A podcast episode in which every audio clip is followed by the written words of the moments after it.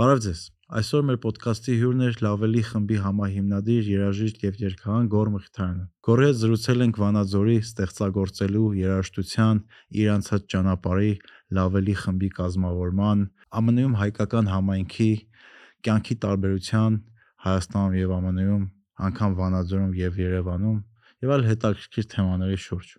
Բաժանորդագրվեք մեր ալիքին, սեղմեք լայք կոճակը եւ եթե հավանում եք այն ինչ որ մենք անում ենք, մեր ոդկասթին ֆինանսապես կարող եք աջակցել Patreon-ի միջոցով։ Շատ շնորհակալություն բոլոր մարդկանց, ովքեր դա արդեն անում են։ Մեր ոդկասթի գործընկերն է Hexact ընկերությունը։ Գնացինք։ Կորճան ո՞նց ես։ Լավ եմ, դու ո՞նց ես։ Լավ, մերսի շատ։ Ո՞նց է Հայաստանում։ Հայաստանը շատ լավ է։ Զարմացած չեմ, բայց իրոք շատ լավ է։ 4 տարի չէր եղել։ Հա, վերջի անգամ սեպտեմբերին է եղել 19 թվականին։ Հմ։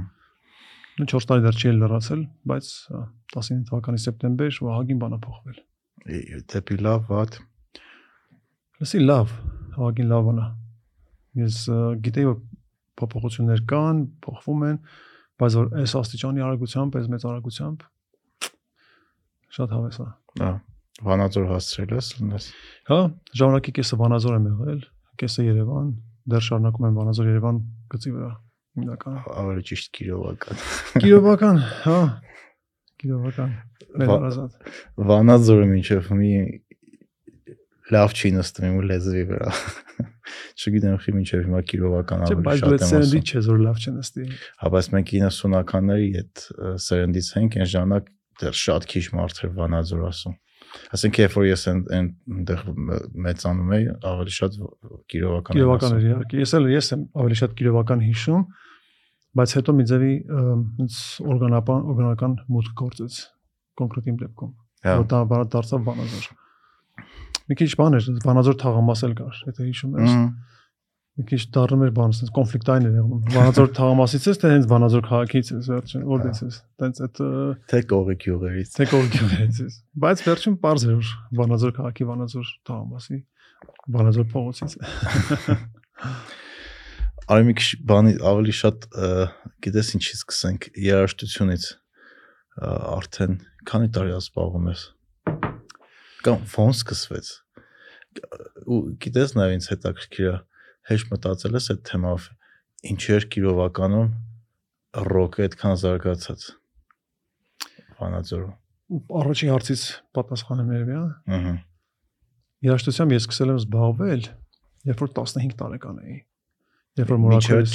Ինձ գիտար նվիրեց։ Մինչև չէի նվագում։ Բայց լրջորեն զբաղվել եմ երաժշտությամբ կարելի ասել գիտարը նվեր ստանալուց 6 տարի անց։ Դու 20 տարեկան էի երևի, 20-21։ մինչև 21 տարի 20-21 գիտար նվագել չգիտեիր Հմ։ Վաու Սիրում եմ որ ուրիշներ նվագում են։ Ասենք դե երաշտ բան չկա, երաշտական շատ ուսուցիչներ չկային, ասենք ինչ իմ շրջապատում դպրոցներ չկային, որ գիտար էին դասավանդում, այդ- այդքան բան չկար շատ։ Ենթակառուցվածքներ չկային երաշտական։ Երբ որ ես էի մեծանում, բայց հետո ինքս ինձ իմ սկսեցի սովորել էլի։ Ասում են ինքնուս տերմինը եթե հիշում ես, ասում են ինքնուս։ ինքնուս երաժիշտ, հա։ Ես այդ կատեգորիայից եմ։ Իսկ երկրորդ հարցը թե Վանաձորը ինչի այդ այդքան շատ երաժիշտներ տալիս, շատերն են պատասխանել ինձ այս հարցին։ Ասում են Վանաձորը իր աշխարհագրական դիրքով շատ մռայլ, անձրևոտ, sense մռուտները կախ քաղաք էր սովորաբար։ Մարդիկ դեպրեսիայի մեջ էին, մարդիկ շատ մտածում էին, փիլիսոփայներ էին, հակվում էին կյանքին, այս ինչի այսքան վատ կյանք է, ինչի այսքան տխուր, այս ինչի այսքան անձրևոտ։ Ու դա տանում էր դեպի մռայլ երաժշտություն, դեպի երաժշտություն, արվեստներ, գրել, կարդալ, նվագել, Հա, նկարիչներ, երաժիշտներ շատ կան Վանաձորում։ հա։ Միջև հիմա շատ են գիտես։ Միջև հիմա շատ կան, այդ ալիքը մի ձևի շարունակվում է, չնայած որոշ մարդիկ պնդում են, որ Քչացել։ է։ քչացել է։ Հա, ես եմ շատ պայմանավորված է քանակով, եթե այն ժամանակ մի 120.000 մարդ էր ապրում Վանաձորում, հիմա ասում են մոտավորապես 80.000, 60-ից 80.000։ 60-80, հա։ Դա բնականաբար 40.000 պակասել է, տաղանդերն էլ հետ են պակասել էլի։ Հետաքրքիր է այո, բայց Վանաձորը ոնց այդ ուղղությամբ զարգացավ ու ինձ թվում է դժվար է դրա պատասխանը գտնել։ Այդ Պատճառներից մեկը հա կարա եղանակը լինի։ Մյուսը չգիտեմ։. Մեր ոդկասթի գործընկերն է Red Invest Group-ը, ով արդեն մասնաճյուղ ունի ԱՄՆ Glendale քաղաքում։ Red Invest-ի ամերիկյան մասնաճյուղում կարող եք ստանալ ամբողջական տեղեկատվություն Հայաստանում անշարժ գույքի շուկայի մասին, ծանոթանալ Red Invest-ի կողմից առաջարկվող նորակառույց շենքերին եւ թաղամասերին, ստանալ հիպոթեկային վարկ հայկական բանկում, կնքրել ամարգրման պայմանագիր եւ շատ ավելին։ ԱՄՆ գրեսենյակի տվյալները կարող եք տեսնել ձեր էկրանին, իսկ Հայաստանի գլխամասի հետ կարող եք կապ հաստատել 098 908 908 հեռախոսահամարով։ Հայաստանի կոդը նույնն է 374 չի փոխվել։ Just think about it. Բայց երբ որ 21 տարեկանում սկսեցի նվագես, Ահա։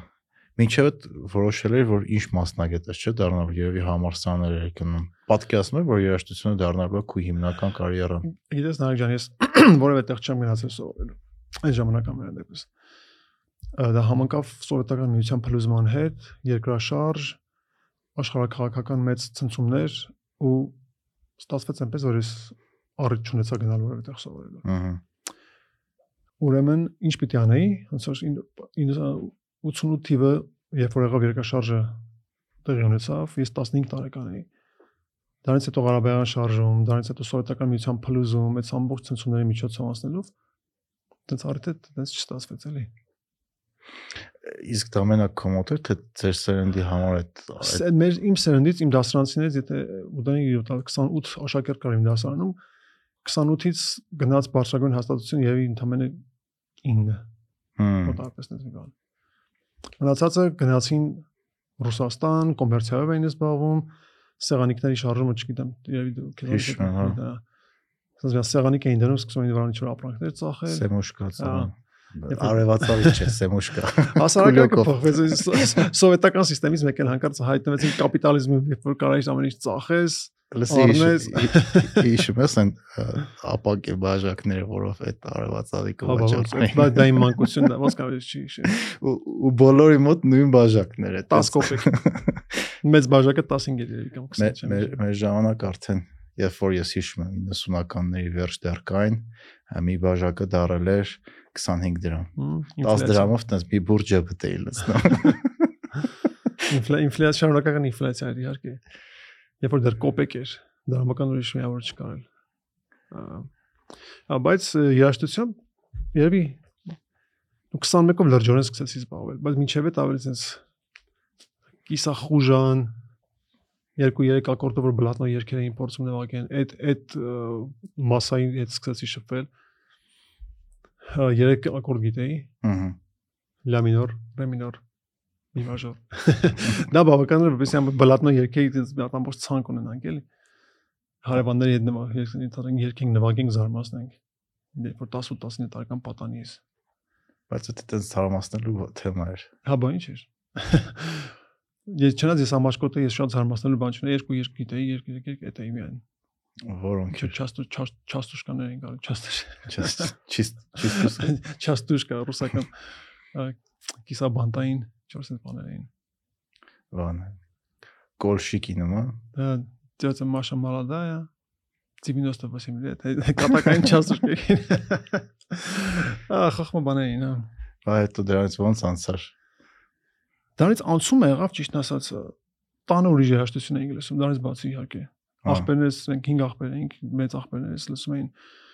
ռոք երաշտություն, իտալական էստրադա, մամաս լսում էր հնդկական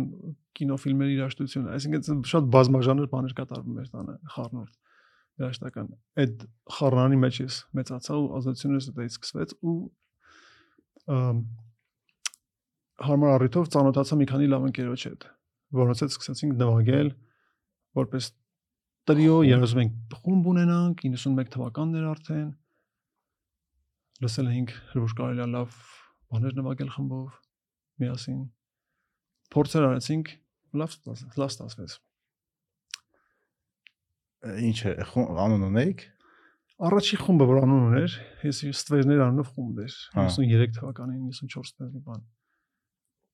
Ես էի այն ժամանակ Չոբանյան Աշոտը հանգուցյալ մի քանի անուններ կային, որ ծրվեցին։ Երկրորդ խումբը դրանից հետո բաներ, Snake անունով խումբներ, Snake։ Snake ծնվեց 1995 թվականին Վանաձորի տեխնիկային թատրոնում։ Օ, Ապակե պատ։ Չգիտեմ կհիշես թե չէ։ սիշնա տեխնիկային է։ Ռոք Ահա հավը։ լեգենդար լեգենդար ը, տեղ էր դա։ Այդ խումբը գոյատևեց մոտավորապես 1.5 տարի, եթե չեմ սխալվում, մինչև 96 թվական։ Հմ, 95-ից 96 թվական ու խմբի կազմի մեջ արդեն կային 5 հոգի, ես էի Մանուկյան Մեհերը, որի լավելի ֆրոնտմենը, ը, Չոբայան Աշոտը, որի գլխավորությամբ էր ձևավորվել այդ խումբը։ Ավետիսյան Ալեքսը, Ալյոշային ասում իրան։ Դից ինքո եւ Ամերիկայի խաղաղության կորպուսի կամավոր Մայքլ Հեմես։ Այդ էր հիմնական կազմը։ Հա։ Դա էր օրիգինալ սնեքի, ուրեմն կորիզը։ Խումբը գոյատևեց մինչև 96 թիվը, հետո երբ խումբը փլուզվեց տարբեր պատճառներով, Աշոտը գնաց Ամերիկա եւ այլ եւ այլ։ Սնեքի հիմքի վրա ծնվեց լավելի խումբը, որը գործում է մինչև այսօր։ Բոլորիս կողմից հայտնի։ Սիրված։ Հա։ Հայտնի եւ սիրված։ Դա կին խմբային պատմություններ, թե այսպես պիտի քրոնոլոգիայով կամ դա Իսկ քո կարծիքով ինչի լավ էլին ստացվեց, իսկ մնացած խմբերը չէ։ հմ, օրգանական աճ էր էլի։ Հա։ ոնց ոնց որ ասացի պատճառները մի մի- մեկը գնաց Ամերիկա, մեկը ծրվեց գնաց ես իմ ուր բան տենց այդ ը, փլուզումի հիմքի վրա ծմեց արդեն լավելին Բայց որ դու գնաց չէ Ամերիկա, մեկը ավելին չփլուզվեց, չէ։ լավելին չփլուզվեց լավելին դա- դադարեց մի քիչ пассив ռեժիմի մեջ մտավ մի քանի Հա։ տարի 99 թվականին ես ը, ոնց որ լավելին ուրեմն sense ասեմ էլի 96-ից ծնվեց 96-ի կես նո ասենք 97 ես 99-ին լավելից դուրս եկա տարբեր պատճառներով մեր լավելի ֆրոնտմենի հետ փոքր ընտանեկան կոնֆլիկտի հիմքի վրա քան ինքը նաև քրոջ ամուսինն է փեսանա Իսկականից ընտանեկան է ուրեմն։ Լսի, դա շատ բանը հետաքրքիր պատմություն էր Բայց ամեն դեպքում դա դա դրա պատճառով ոնց որ ես անհատական կարիերա չասեմ, բայց առանձին ճյուղով գնացի։ Ահա։ Ա, հետո 2003-ին ուղղակի տեղափոխվեցի Ամերիկա։ Դա իր հերթին ոնց որ առիթ ստացա, որ ես եղնեմ լավելի пассив ակտիվ անդամներից մեկը, Հմ։ որ լավելի հետ եմ, բայց ֆիզիկապես այստեղ չեմ բնականաբար։ Ու մերը սկսեց ոնց որ լավելին ավելի մեծ բանով շարունակել, էներգիայով։ Ինձ ավելի ոնց են ասում, հաստատակամ եւ հետո սկսեցին երեխաներ ծնվել բնականաբար մեր արդեն 4 երեխա ունի։ Դա Սկսեցին հեշտ չէ, միայն սկսեցին մեծանալ։ Բայց լավելին չդադարեց գործելուց այդ ամբողջ ընթացքում էլի։ Լավն էր որ մենք հասցրեցինք ձայնագրել երկու արդեն մոտարապես դասական դարձած ալբոմ։ Հա։ Առաջին լավ ալբոմը 97 թվականին, 99 թվականին SNR ալբոմը եւ առաջի ալբոմը որ թողարկվեց լույս տեսավ Ամերիկայում 2003 թվականն էր արդեն։ Դա 2006-ն էր եղուցին, 2006-ին։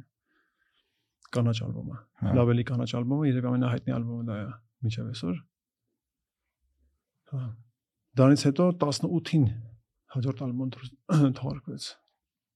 Էլի նույն կազմով։ Արդեն մի քիչ խառը կազմով։ Որտեղ արդեն փոխվեց բասիստ փոխվեց,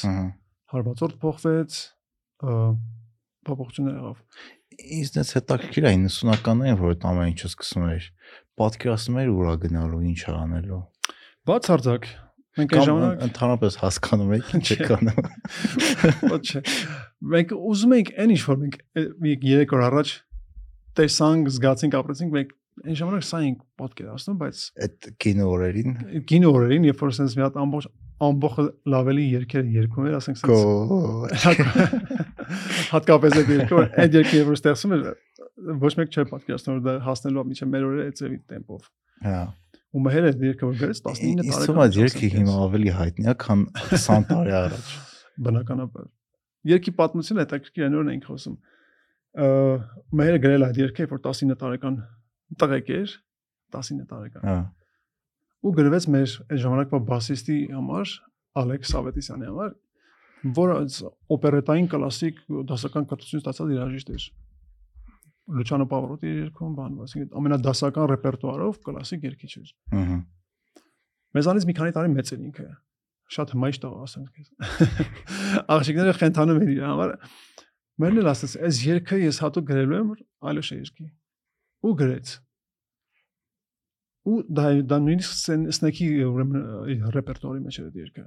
Այդ այդքան 95 թվականին մենք ունենք ցանագրության։ Այսինքն մինչև լավելին այդ երգը երգել։ Մինչև լավելին երգը երգվել է սնեքի ռեպերտուարում։ Վաու։ սնեքի մեջ էլի մեհերներ, ես էի Հա։ մնացած այլոշը։ Ու դերքը հասավ մինչև մեր օրեր։ Ու ընդամենը երկու օր առաջ ամբողջը բանի Սարյան փողոցը ցածկում էր վերև ներքև Պարսիկ եւ հնդիկ տուրիստների հետ միասին բոլորը համերաշխ խորնում էին քո աչքերը։ Հա, պատասխանելով քարցին հա այն ժամանակով էր պատկերացնում որ դերքը այդքան պոպուլյար կլինի, բայց մենք երազում էինք, ենթադրում էինք որ այո, մի օր լավ կլինի։ Ապական լուսավոր պետք է լինի։ Ու ոնց որ տեղավ։ Հետո սկսիր քո սոլո կարիերան Հա, սոլո Ամերիկայում։ կարիերան արդեն Ամերիկայում այդ 20 տարին ոնց որ արդեն առանձին ճյուղ էր ինձ համար։ Հա։ Լավ էլի ծախելի։ Այն ժամանակ շատ երաժիշտներ որ Հայաստանից գնում էին, երաժշտությամբ էլ չէին զբաղվում ԱՄՆ-ում, որովհետև դրանով փող աշխատելը տենց եթե անհնար չէր, հաստատ դժվար էր։ Քո մոտ ոնց ստացվեց, որ դրանով շարունակեցի երաժշտությամբ զբաղվես ու շատ կոպիտ ասած երաժշտությամբ գլուխդ պահես ու ընտանիք։ Ճիշտ ասած մի քիչ բախտս բերեց։ Բախտի գործոնը միշտ կա։ Եթե բախտը կա, պետք է բռնես, չէ։ Ճիշտ հիմքով սկսվեց ինձ թվում է, որտեղ 2001 թվականին, երբ որ ես արդեն սկսել էի Հայաստանում լավելից անկախ սոլո կարերան,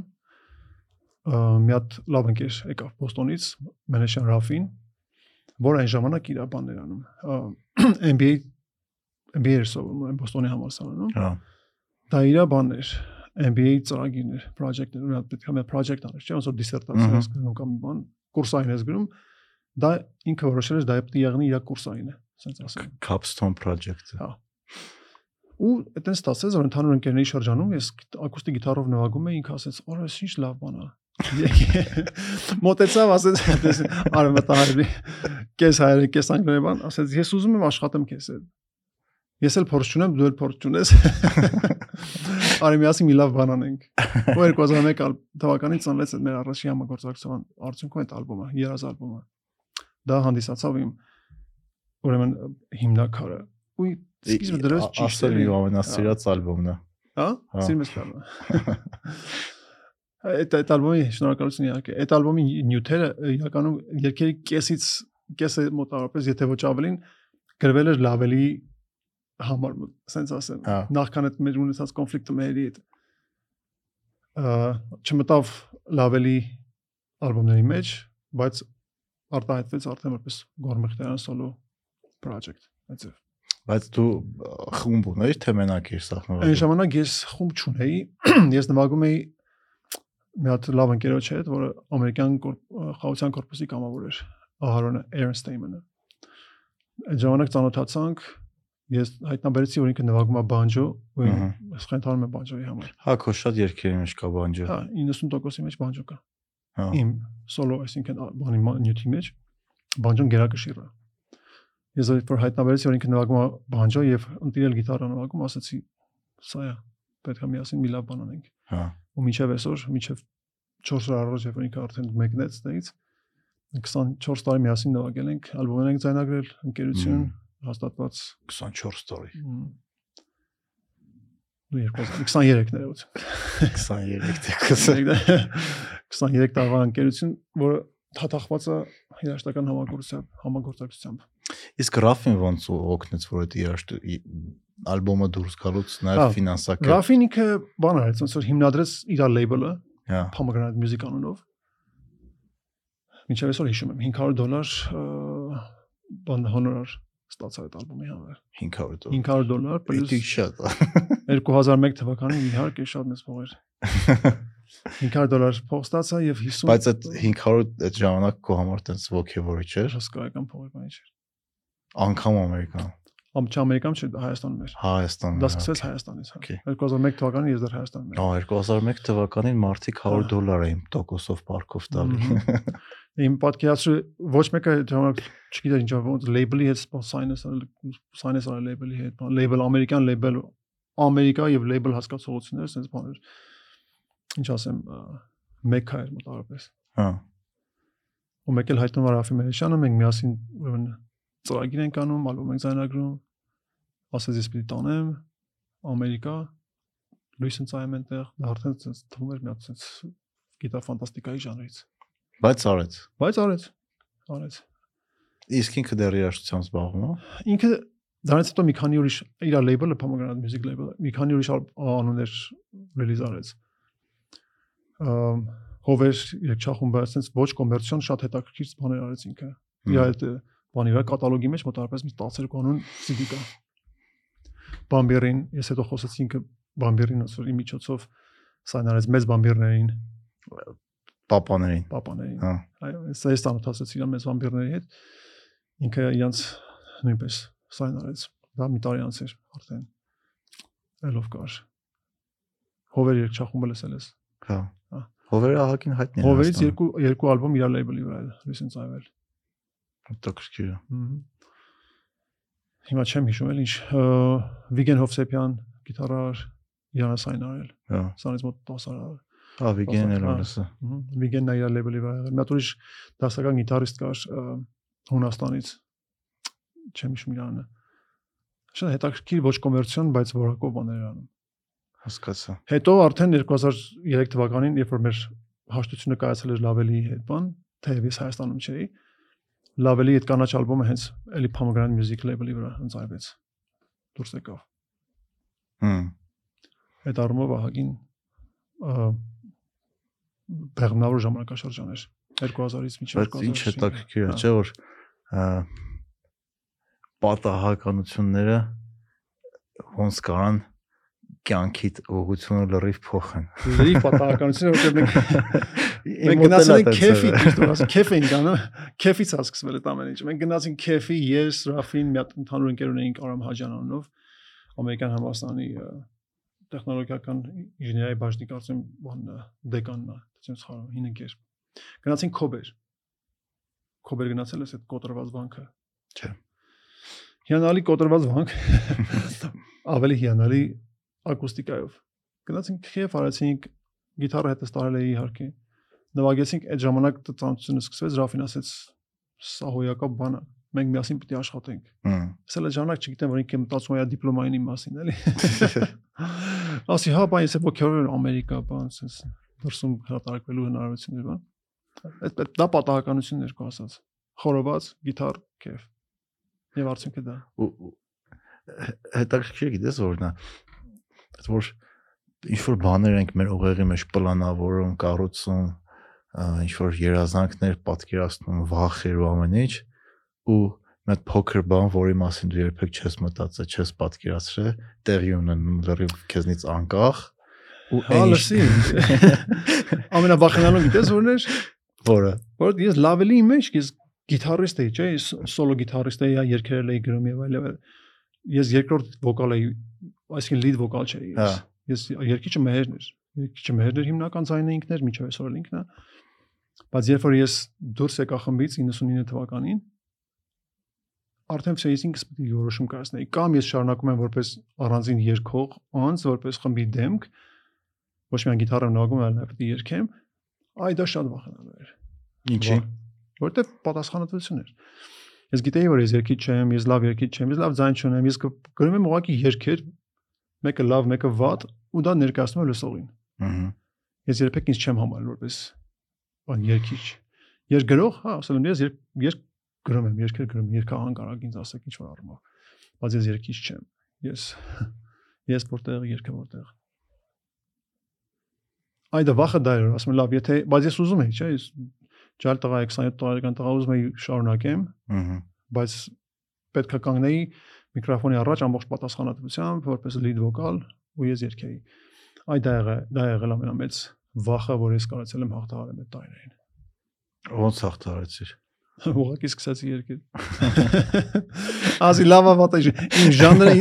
իմ ժանրը ինձ թույլ է տալիս որ ես երգեմ որտեվ կլասիկ երգիչ չեմ ինչ օպերատային բաներ չեմ երգում երգեմ գրում եմ ես իմ երգը գրում եմ ես ներկայացնում եմ ես հիմա լավ կլինի լավ լավ չի իսկ այդ առաջարկում որ դուրս էր գալու սոլո շատ վախենալու էր Չէ, այդ մի բանով խնդիր չկար։ Այն որ ասում եմ լորից ու ասած ասում մի կորուց շաշ է ստանում գործը առաջ տանում չէ ասային եթե ես ինքս երբեք լուրջ չեմ վերաբերվել իմ հարցին դրա համար այդ խնդիրը չունեի էլի Հիմա ինչպես լուրջ վերաբերում։ դե կամ ոչ բանի պետք է լուրջ չվերաբերես Ինչի։ երաշտության մեջ հատկապես թեթև կարող սխալ եմ ասում թեթև պետք է վերաբերես հա։ հա թեթև պետք է վերաբերես Դες քեզ չծանրացնես։ Չէ, չէ, չէ, չէ, Ինչ ծանր ախր։ Թող ծանրացնեն ծանր մարդիկ ովքեր գնացել են 10 տարի կրթություն են ստացել երաշտական նոտաները գիտեն Դա դա շատ դեպքում։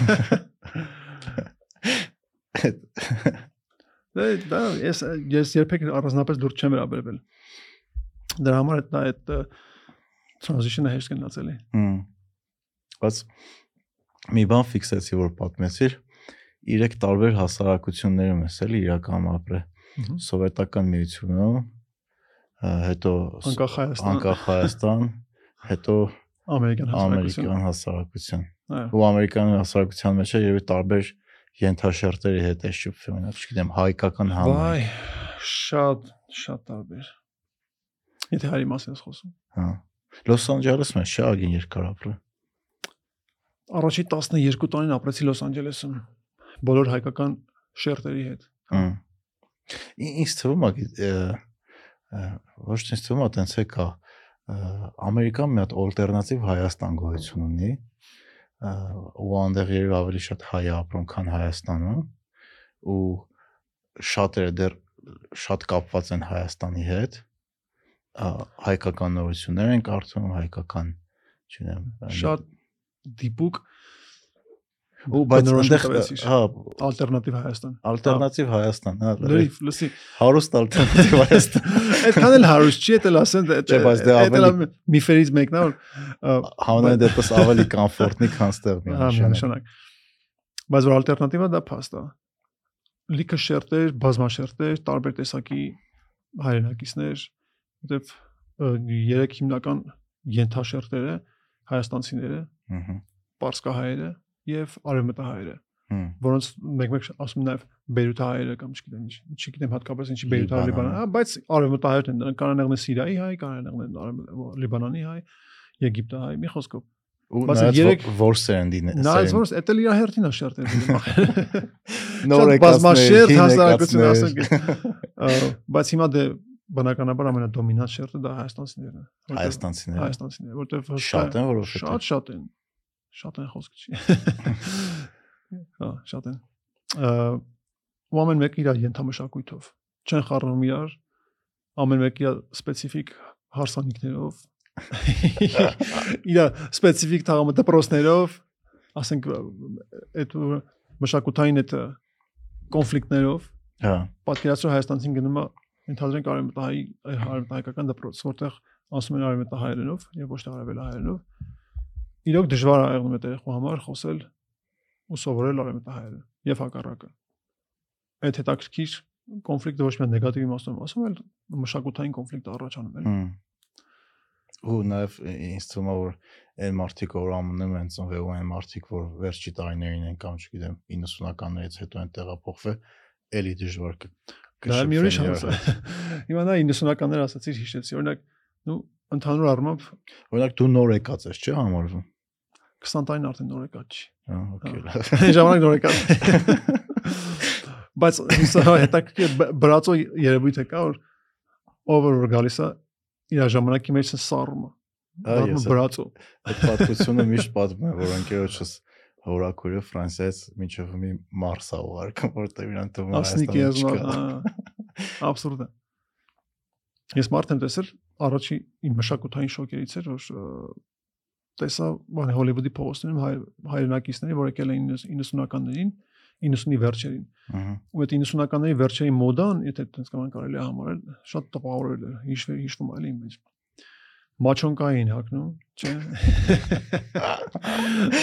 Ինչ Լոս Անջելեսը- Անջելեսը տակ տեղը դե մաչոնկա չէին հակնում, բայց- այդ ժամանակաշրջանն էլի։ Ուրեմն հակնում էին սպիտակ գուլպաներ, նասկիներ, այսպես ասած, բայց չստեր որ իվակ գրված էր զիկո Զիկո Ոս առաջ անգամ տեսա մեկին Հոլիվուդի մայթերով քայլում ասպիտակ նասկինով զիկո չստերով ասեցի վայ մամա ջան է Ու բայց դա ասենք 5 տարի անցել էլի այդ 98-ից 2003 Մարդիկ մշակույթը պահում են։ Բայց այդ բրացով մշակույթն է դառնում, էլի, որ ուզում ես մի խորքը գնաս, հայ- հայտնաբերես, ասենք դա լրիվ լավ ուսումնասիրության ենթակա բանա նյութա։ հետաքրքիր է երևի գալիս է նրանց որ շատ մարդիկ որ տեղափոխվում են ԱՄՆ հատկապես արդեն մեծ տարիքում 30-ից 40-ից 50-ից հետո իրանց համար արդեն շատ-շատ դժվար է այդ հասարակությունում ինտեգրվել Շատ Ա, 50-ից հետո եկածները հիմնականում փորձում են ապրեն գլենդել հա կամ Հոլիվուդ, որտեղ որ շատ հայեր կան, որտեղ պետք է որ անգլերեն սովորես։ Դու կարող ես այնտեղ ապրել քո ամբողջ կյանքը առանց անգլերեն խոսելու։ Օրինակ papayan գերը 3-4 տարի գլենդելում ապրեց, հետո կա անգլերեն չգիտեր։ Իհարկե։ Ինչի պիտի մնա, եթե խանութը հայկական է, մանկապարտեզը հայկական է, դպրոցը հայկական է, եկեղեցին հայկական է, բոլոր բիզնեսները հայերեն են խոսում, նույնիսկ հիվանդանոցի աշխատող աշխատակիցներ են հայեր հայերեն խոսում, թարգմանիչներ կան նոր հայերի համար։ Դու կարող ես ապրել ամբողջ կյանքդ այնտեղ առանց լեզուն սովորելու։ Հմ։ Սարսափելի բան է, էլի։ Բայց սարսափելի է որ։ Սարսափելի է այն իմաստով, որ մարդիկ գնում են Ամերիկա, որ լավ կյանքի հույսով, չէ՞։ Ահա։ Ամերիկան տալիս այդ հնարավորությունները։ Գնում են Ամերիկա առանց Ամերիկայում տեսնելու, ապրում են Ամերիկայում առանց Ամերիկայում ապրելու։ Օրինակ, Հոլիվուդում ապրում ես, երբ որ Հոլիվուդը մշակույթ բան է, ը, զվարճան Աշխարհի entertainment-ի կենտրոնն կենտրոնն է, է, չէ՞, ոնց են ասում entertainment, զվարճանքի։ Զվարճանքի հա։ Այսինքն ֆիլմեր, հերոստատուսային հերոստատուսային ամբողջ ինդուստրիան դից է դուրս գալիս։ Բայց հայրը sense անհաղորդ կապ չունեն ընդհանրապես, չգիտեն ինչա կատարվում։ Տեղակ չեն։ Հա։ Դե ասում Ամերիկա եկել ենք ապրում ենք էլի։ Բայց մենակ հայերն են թե ուրիշ համայնքներն է որ բան են անում։ Կարելի է ենթադրել, որ ուրիշ համայնքներ են այդպես։ Օրինակ չգիտեմ Մեքսիկները։ Դե մենք հայ ես իսպաներեն չգիտեմ, չեմ կարող ասեմ իրաց Հա։ փոխանեն, բայց ենթադրում եմ, որ նույն բանն է, բայց որ հայ ենք մի քիչ ավելի մեծ պատասխանատվություն ենք երևի փորձում մեզ վրա վերցնենք, որ մեզանից ավելի մեծ սպասելիքներ ունենք էլի։ Եթե Դե հայ հա։ ենք, ինչի՞ չենք մեզ դրսևորում այն ձևի ոնց որ կարանք։ Այսինքն այն պոտենցիալը որ կարանք օգտագործենք, չենք չէ, օգտագործում։ բայց հետ չենք օգտագործում։ Ան- Բացարձակ, Անգամ այնտեղ գտնվելը։ Անգամ ընդդեմ գտնվելուց։ Իսկ դու համարում ես, որ ինտեգրվել ես ամերիկյան մշակույթի մեջ հասարակության հետ։ որոշ առումով երևի, բայց ես էլ եմ ուշ տարիքում գնացել, ես 29-ի որ գնացել եմ։ Բայց այդ ուշ է, հա։ Դե բա ի՞նչ է։ Ես մինչև ուղնուցուցս ես դաստիարակվել եւ ստացել եմ իմ ամեն ինչը ձևավորվել եմ որպես մարդ Հայաստանում։ Ես գնացել եմ այնտեղ որոշակի նպատակներով, բայց ապրելով այնտեղ որոշ ձևավորվել ինտեգրվել եմ իհարկե, բայց ոնց ավելի ճիշտ ասեմ։ Ինտեգրվել եմ եւ այդքան էլ չեմ ինտեգրվել, որովհետեւ 30 տարի Հայաստանում ապրել արդեն ձևավորում եք ես որպես մարդ։ Մաքսիմում դու կարաս գնաս դուրս, սովորես, ստանաս ինչ-որ մի բան, վերցնես, զարգացնես քո մեջ ինչ-որ մի բան, բայց ինտեգրվելը մի քիչ, չգիտեմ, Շատ տարբեր են, հա, մեզանից։ նայած, դա մի մի- մի- միանշանակ պատասխան չունի։ Նահանգից կախված Կախված նահանգից, կախված քաղաքից, արմատներից, հա։ արմատներից։ Օրինակ, եթե խոսում ենք հայերի մասին, ամենահին հայկական համայնքներից մեկը ընդհանրենք Բոստոնում ապրում։ Հա, հագին ուժեղ համայնք ունեն Հա, այդտեղ։ իրանց Բոստոնի կողքը բան կա։ Արվարսանային քաղաքը կոչվում է Watertown, ջրաշեն։ Այնտեղ 85000 հայ կա մոտավորապես։ 85000 այդ 85,000 փոքր համայնքում։ Կա 3 հայկական եկեղեցի այդ Հա։ փոքրիկ տեղում, կա 2 հայկական դպրոց։ Ու դա ամենահին համայնքներից մեկն է։ Ինչու է տարբեր այդ համայնքը։ Ավելի կրթված են ինձ թվում, հա, Ահա։ որովհետեւ վերջի վերջը Բոստոնը համալսարանական քաղաք Ամերիկայի Դե է։ հա։ Եթե չասենք աշխարհի մեծ կրթական կենտրոններից մեկն է, չէ՞։ Harvard բան սաղն։ Հա, սա ընդդեմ են ու իրանց ազդեցությունը այս կամ այն կերպ բերել են ու հայրներ դրա մեջ անվասն չեն մնացել վերջի վերջո։ Հին համայնք, ավելի կրթված համայնք մեծ տարբերություն է, եթե համատում ես օրինակի համար, գնում ես Ֆրեզնո, էլի հին համայնք։ Ահա։ Ֆրեզնոն արդեն գնում է Կալիֆոռնիա այդ Բոստոնի հակալիվ հակադիր կողմն է։ Ամերիկայի մյուս ափը։ Եկան ցեղասպանությունից հետո տասական թվականներին, բան տենց հիմնականում զբաղվում են գյուղատնտեսությամբ 1910։ 1910 նու 18-ից սկսենք։ Ահա գյուղատնտեսությունն է աղելյանց հիմնական գործը, հա։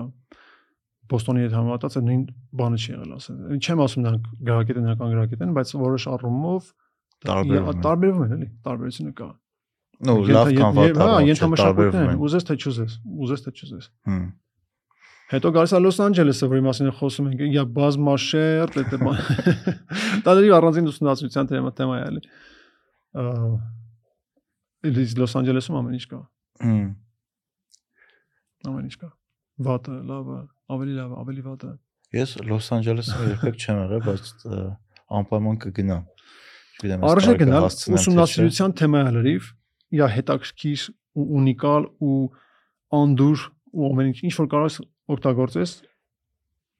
շատ բան ակտուալ է տարածքի համար։ Լավ, վատը։ հետաքրքիր խմորումներ կա, լավ բաներ կա բայց վերջին հաշվով, այսինքն սաղ էլ բան են էլի նարեկ ջան։ Մեռնող համայնքներ պետք է լինեն, 100 տարի հետո չի լինելու դա։ Ինչի՞։ Դե որովհետև փորձն է ցույց տալիս։ Երրորդ սերունդ հետո Ամերիկայի սպეციფიკան, երրորդ սերունդատը, երեք սերունդատը միջև լիակատար ձուլումը։ Հա։ Դա տենց է։ Այսինքն քո քո աղջիկը որսնվել է Ամերիկանում, իր երեխեքը նոր կկրնեն լրիվ ամերիկացի։ Այո։ Կամ չեն լինի։ Նույնք մեծ հավանականությամբ կլինեն, հա։ ասած ասեմ, էլի։ Եթե պետք է ապրեն Ամերիկայում, շանս չունեն։ Շանս չունեն։ Չնայած երբ որ դու Ամերիկայի паспорт ունես, կապ չունի դու ինչ ազգես, դու արդեն ամերիկացի ես։ Այդ երկրի սպეციფիկան է, այդ հետաքրքիր երկիր, օրինակ Հայաստանում դու պետք է հայ լինես, որ հայ համարվես։ Կապ չունի դու հայ հայկական паспорт ունես, թե չէ բայց ԱՄՆ-ում երբ որ դու դառնում ես քաղաքացի, դու ամերիկացի ես։ Հա, դե բայց արդյոք այդքան միանշանակ է։ Հիմա եթե դու Հայաստանում ես ու ունես, ասենք, ը, իրանական паспорт, բայց դու հայ ես քեզ տենց են ընդունում բայց քո շուրջը հա բոլորը հայ են, հայ ա, ամեն ինչ ուտելիքը հայկական է, խմելի գրում ես հայերեն, խոսում ես հայերեն, ամեն ինչ հայկական է։ Ինչն է քեզ դարձնում հայ։ Ինչն է որ քեզ հայ է դարձնում։ Չգիտեմ, այդ հարցը մինչև հիմա ինձ տանջում անեք։ Հայ հայ հայ ասելով ինձ թվում է շատ-շատ ոնց որ դու ասացիր ոնց Ամերիկան լիքը տարբեր ենթաշերտեր կան հենց հայկական համայնքում։ Նույն ձևս տեղ է։ Օրինակ ես ու ինչ որ կամայական ինչ որ մեկին փողոցում կանգնացնենք, հարցնենք, ինքը հայ է ոնց է տեսնում, ես ոնց եմ տեսնում, ամենայն հավանականությամբ տարբեր բաների մասին ենք խոսելու տարբեր արժեքների, տարբեր գաղափարների։ Հա, ուտելիքը համանալ դեպս նույնը կլինի, բայց Լե- լեզուն շատ կա, բնականաբար Լեզուն, լեզ լեզուն լեզուն- չխոստացիր դա արդեն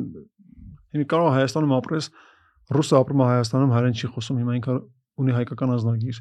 Հայա թե ռուսա։ չէ, հայ չի։ ին- ին- Ինքը այս Հա։ հասարակության մեջ չի ընդունվի որպես հայ,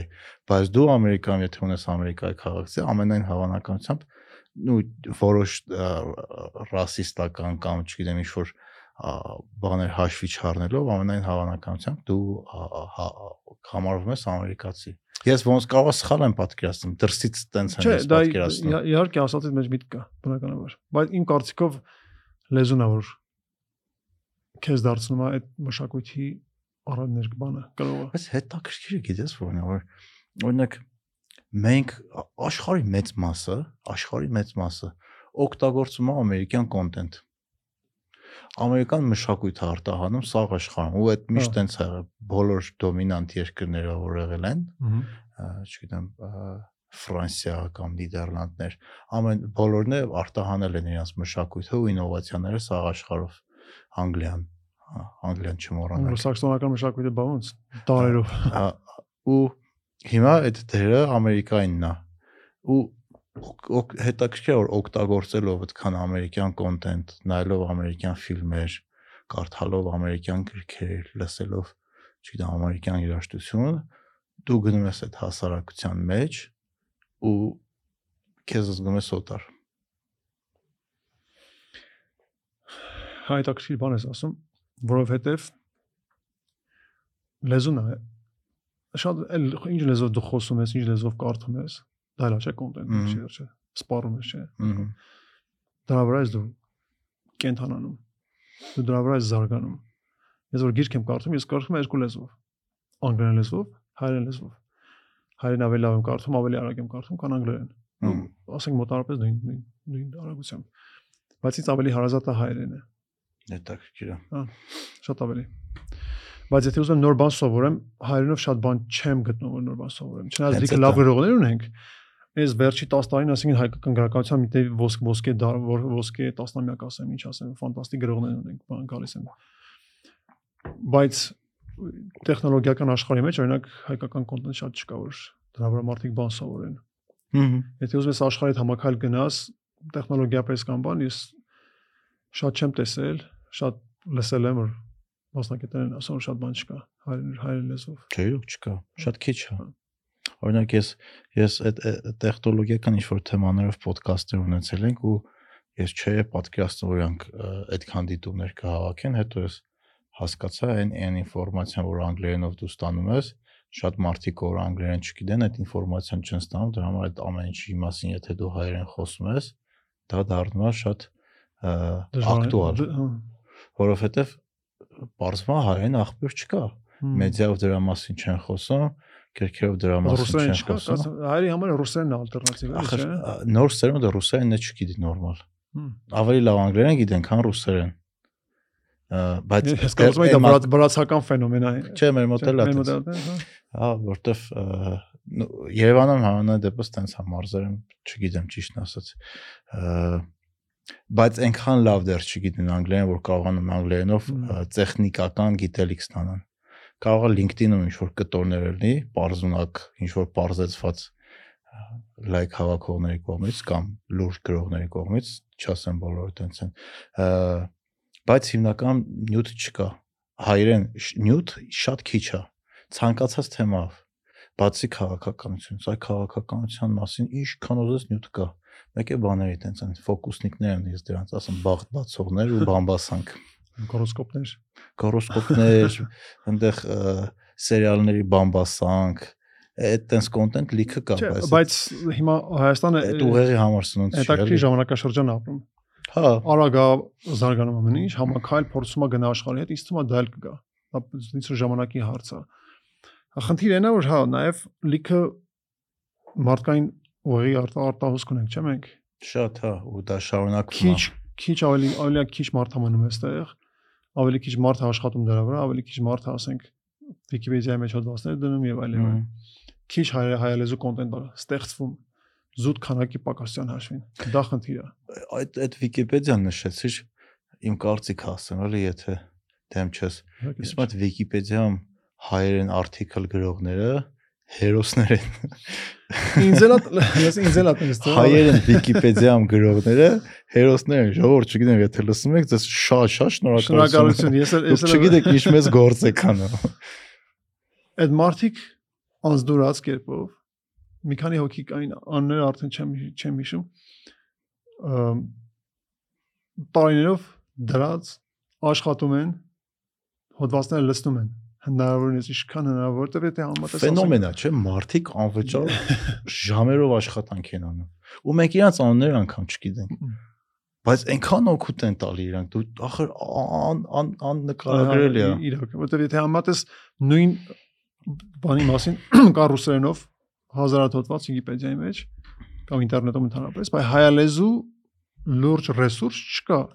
Միակ ռեսուրսը ասենք որ անվճար բոլորը կարող են գնան տեսնեն, դա Wikipedia-ն է։ Ահա։ Ով է դա անում այդ ամեն ինչը։ Քո ասած հերոսները։ Մի 10 անուն, 10-15 անուն երևի։ ախորոս կինը պատմում էր, որ ինքը առաջ այդ Դիլիջանի դպրոցի հետ աշխատում էր։ Մի հատ երեխա էր այդ դպրոց դիմել, հայ երեխա, հենց հայաստանցի երեխա, որ չէ, թե չեմ հիշում հայաստանցի էր, թե չէ 100-ից տոլի 200-ից ավել հոդված էր գրել այդ երեխան Վիկիպեդիայի համար։ Դեռ Մմ։ 17 տարեկան չկար։ Ու Վիկիպեդիայում հոդված գրելը հեշտ չի, պետքա հաստատեն, research անես, այնտեղ աղբյուրները նշես։ Ինքը շատ մոտիկ է գիտական աշխատանքին, որտեղ պետքա reference-ները տաս, աղբյուրները նշես, հաստատեն, այդ այդ պետքա մի հատ սրբագրվի, հաստատվի այդ ինֆորմացիան ճիշտ է, թե չէ։ Ահագին երկար Այդ process է։ անում է 17 տարեկան երեխան։ Հա, հա, ես զարմացած եմ։ 17-ը չկար։ 15 կամ 16 տարեկան էր։ Ինձ թվում է պետություններ կա որ լուրջ միջոցներ են ծախսում դրա վրա կոնտենտ ստեղծել օրինակ մեր նույնիսկ մեր հակառակորդ մեր հարևան երկրները Ադրբեջան, Վրաստան կարծեմ այնտեղ լուրջ աշխատանք է տարում Wikipedia-ի կոնտենտ ստեղծելու համար լուրջ Դե նայ օնլայն եթե եթե դու ինֆ քո ինֆորմացիան քո պատմությունը դու օնլայն հասանելի չես դարձնում ոչ հայերեն ոչ անգլերեն քո թշնամին այդ գործը քո փոխարեն անելու է բայց ներկայացնելու այդ ամեն ինչը իր պատմության մի մաս ու մարդիկ մտնելու են կարդալու են ասում են ըհը այս եկեղեցին ադրբեջանական է ու ոչ Հետո։ մեկ չի մտածել որ ոնց կարա եկեղեցին լինի մուսուլմանական երկրում նո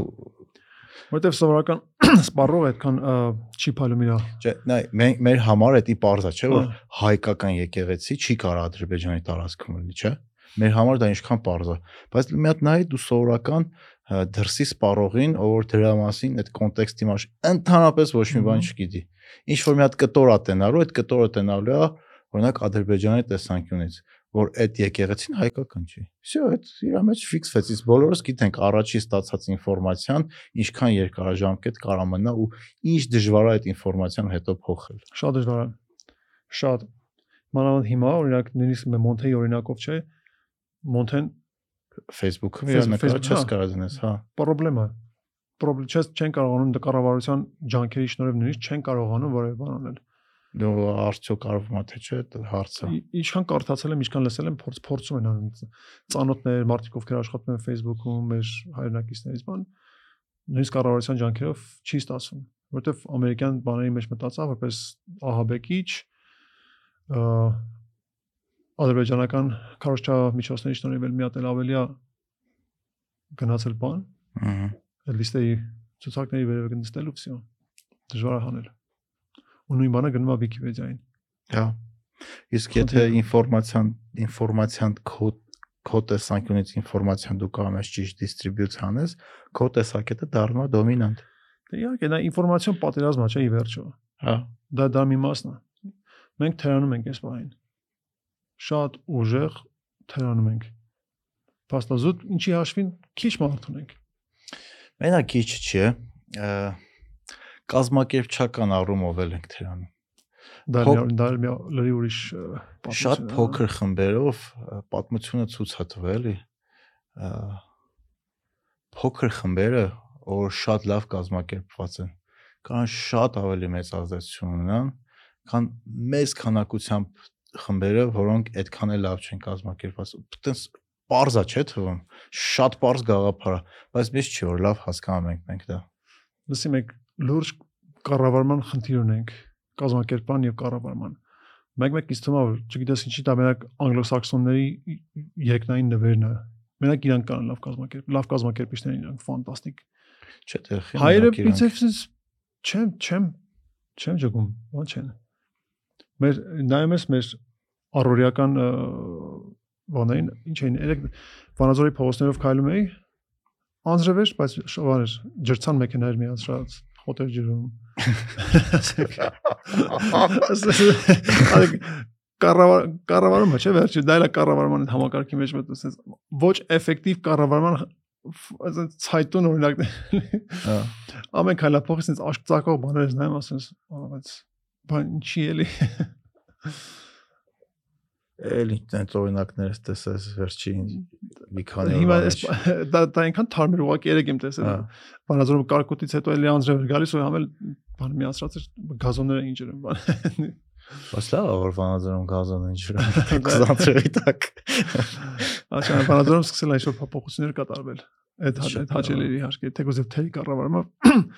ասենք փողոցներ են քանդում ու մի տարի սպասում են թե երբ դիսարկեն այդ փողոցները բան Այս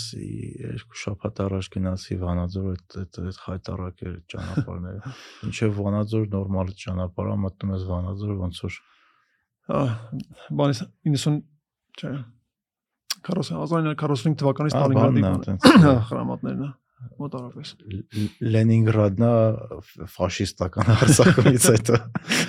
Վանաձորը շատ շատ աչքաթողած խեղճուկար քաղաք է դարձել դժբախտաբար ցավալիորեն բայց փաստա էլի փոխվի ոչինչ հուսանք Տեսնենք։ Իսկ եթե հասարակություններին փորձում ես համեմատես,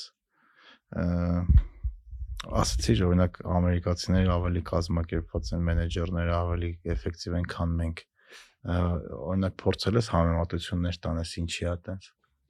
Անկամ չգիտեմ, երաշտական ինդուստրիայի մեջ։ Այն այն ամեն ինչի մեջ դուք ասել։ Մենք դե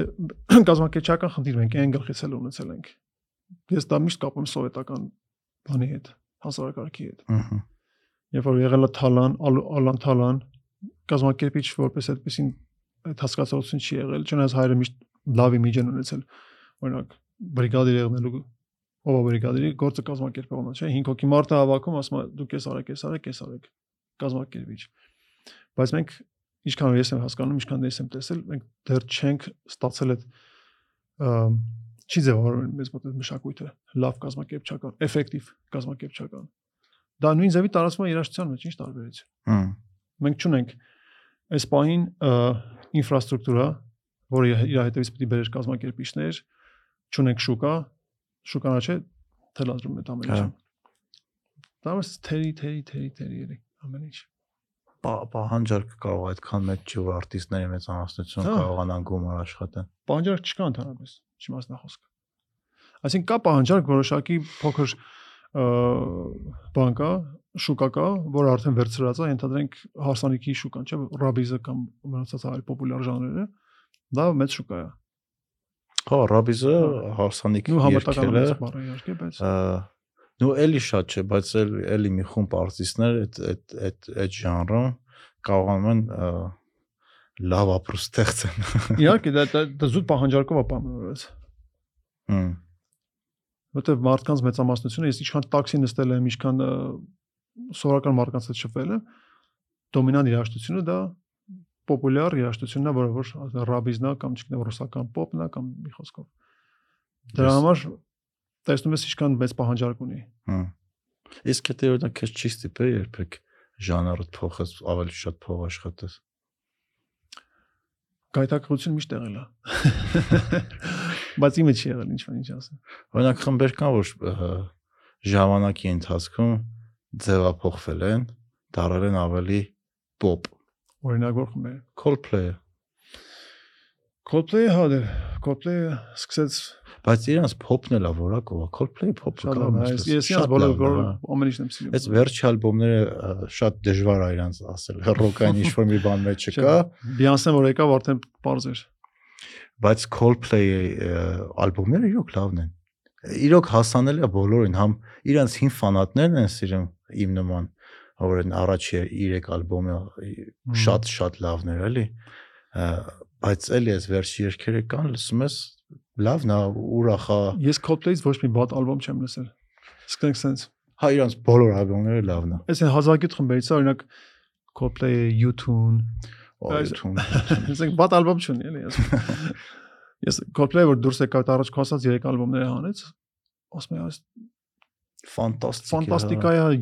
U2-ի բանն ասես մեկից մեկ sense կրկնում է զուգահեռ գնում է։ Շշմելու բաներ։ Հետո նույնիսկ որ թեքվեցին դեպի pop-ի արդեն, էլի ասես ինչ լավն է, էլի։ Հա, շատ որակով pop է, հա։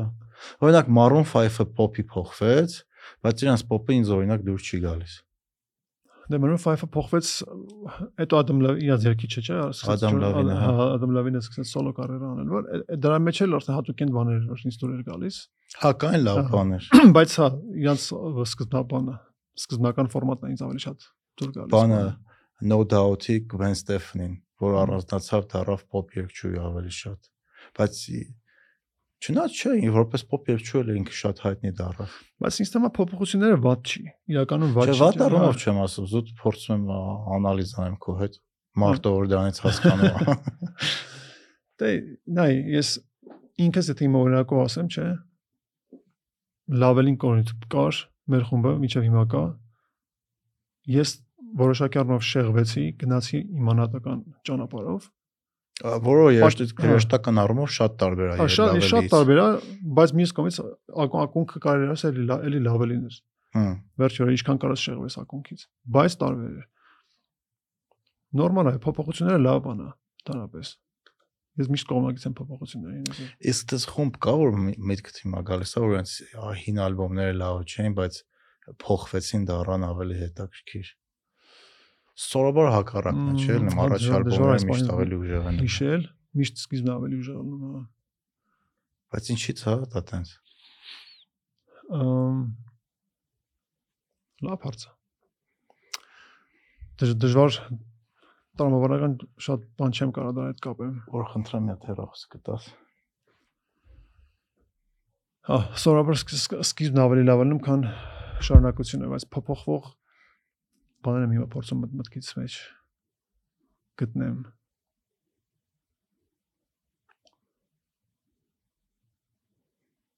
Օրինակ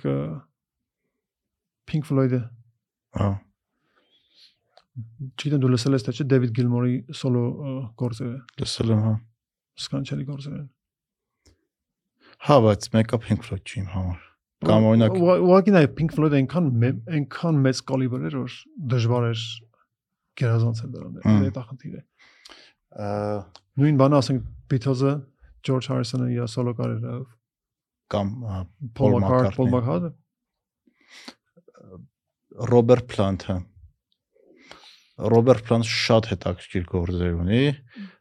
բայց- լսել Հա, հա, շատ լավն է, Գերժանոց գործեր։ բայց մեկը Zeppelin մեծությանը չի մեծությունը չի էլի ուրիշ է հետաքրքիր է լավն է սիրվում է Մեր մեր օրինակները ուղղակի շատ անհամապատասխան բաներ են։ Մենք շատ մեգա աստղերի հիշեցինք հա շատ բաներ։ System of Down-ը Սերժ Թանկյանն է առանձին սոլո կարիերա արեց Դարոնն է արեց Դարոնը շատ բաներ։ Scars of Scars of Broadway հա չէ ես ես ինձ այդքան դուր չեկավ Դարոնի արածը։ բայց Դա- Դարոնի արած ավելի նման էր System of Down-ին քան Սերժինը Սերժի արածից ես առաջի ալբոմը հավանեցի սոլոն։ Բավական լավ էր։ Բայց դե System of a Down-ը որպես System of a Down-ը ավելի մեծ արժեք իմ կարծիքով։ հա Կան նրանց հետագա սոլոները։ հա Բայց հիմա գիտես մարդ կա հայտնաբերել այդ արտիստին իր սոլոներով առանց լսելու System of a Down իր համար դա է, sense հա Էդ էլ Էդ էլ է է, հետաքրքիր, էդ էլ է, նայած հա։ այդ արտիստին դու երբ ես հայտնաբերել։ Հենց այդ։ Հենց այդ։ Հա։ Օրինակ հաստատ ես հիմա չեմ կարող այժմ, հա, Red Hot Chili Peppers իրանց հին ալբոմները ինձ ավելի է դուր գալի, քան առաջի, որտեվ ես երբ որ իրանց հայտնաբերեցի, իրանք 4-րդ օրի 5-րդ ալբոմն էին հանում։ Որ ալբոմներ դա։ Սպասի ասեմ։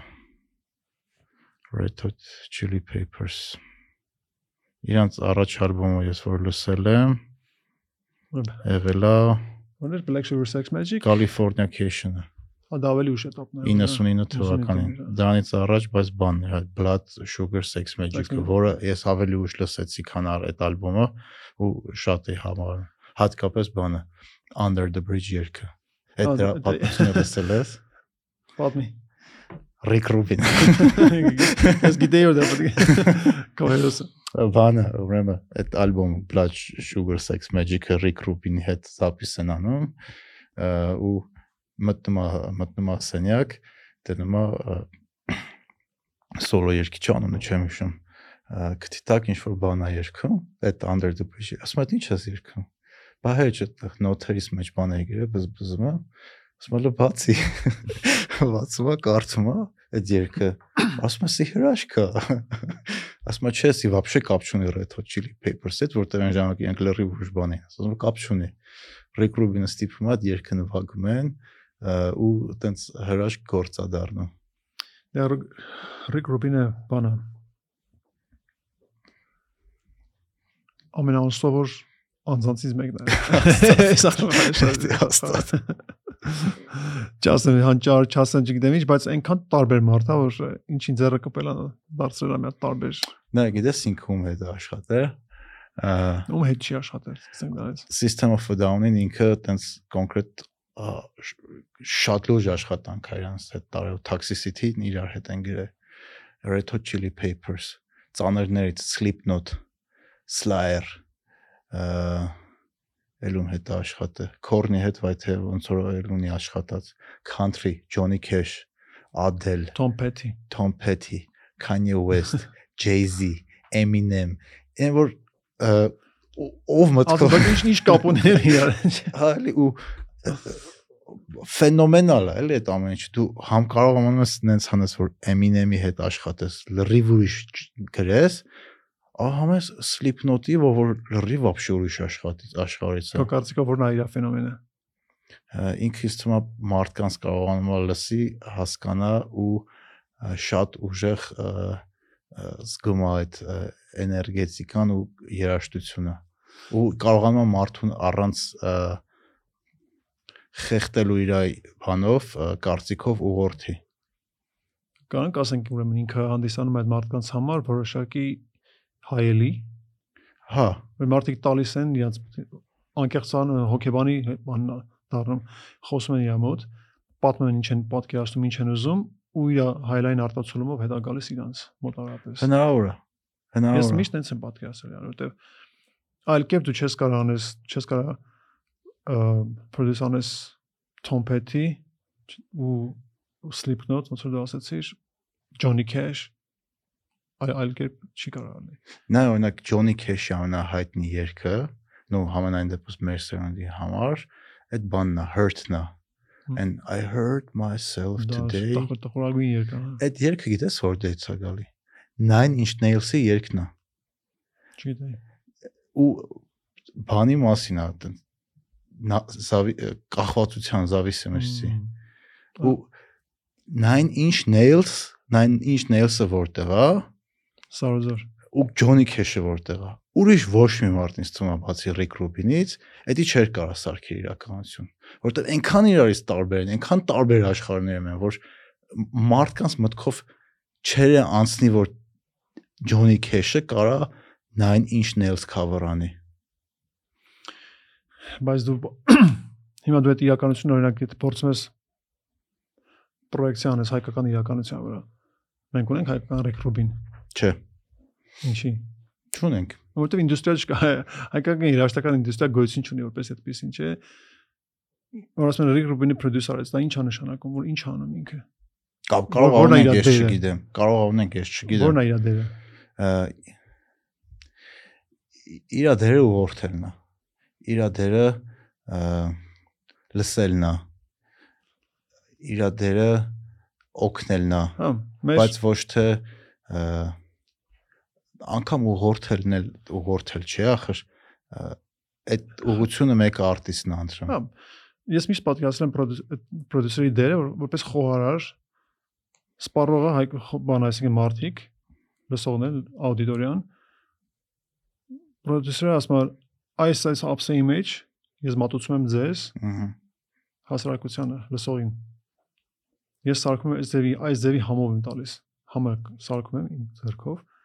չէ պրոդյուսերը ինչ անում ասում է ստեղ մի հատ այս ձևի գիտար հնչողությամբ գիտարա պետք այս հնչողությամբ բառաբանա պետք ընդհանուր սաունդ է ստանում այդ ճաշը սարքում է ինքը ու մատուցում է լսողին հմ հիմա մենք ունենք դա հայկական իրականության մեջ հայկական սպառողը իր համար միևնույնն է ինչա լսում Միևնույնը չի։ Չէ, չեմ չի։ համաձայնվի, որտեղ Չէ՞։ միևնույնը չի։ Լիքը մարդիկ շատ լավ երաշտական ճաշակ ունեն ու ամեն Չէ, ինչ նկ- նկատի ունեմ օրինակ ռաբիս երաժշտությունը, որ լսում են, ասենք, դոմինանտ ժանրն է, չէ։ փոխվում է, Բան կա, այդքան է պրոդյուսեր կա։ Դա կլինի, բայց նա օրինակ գիտես որ ասի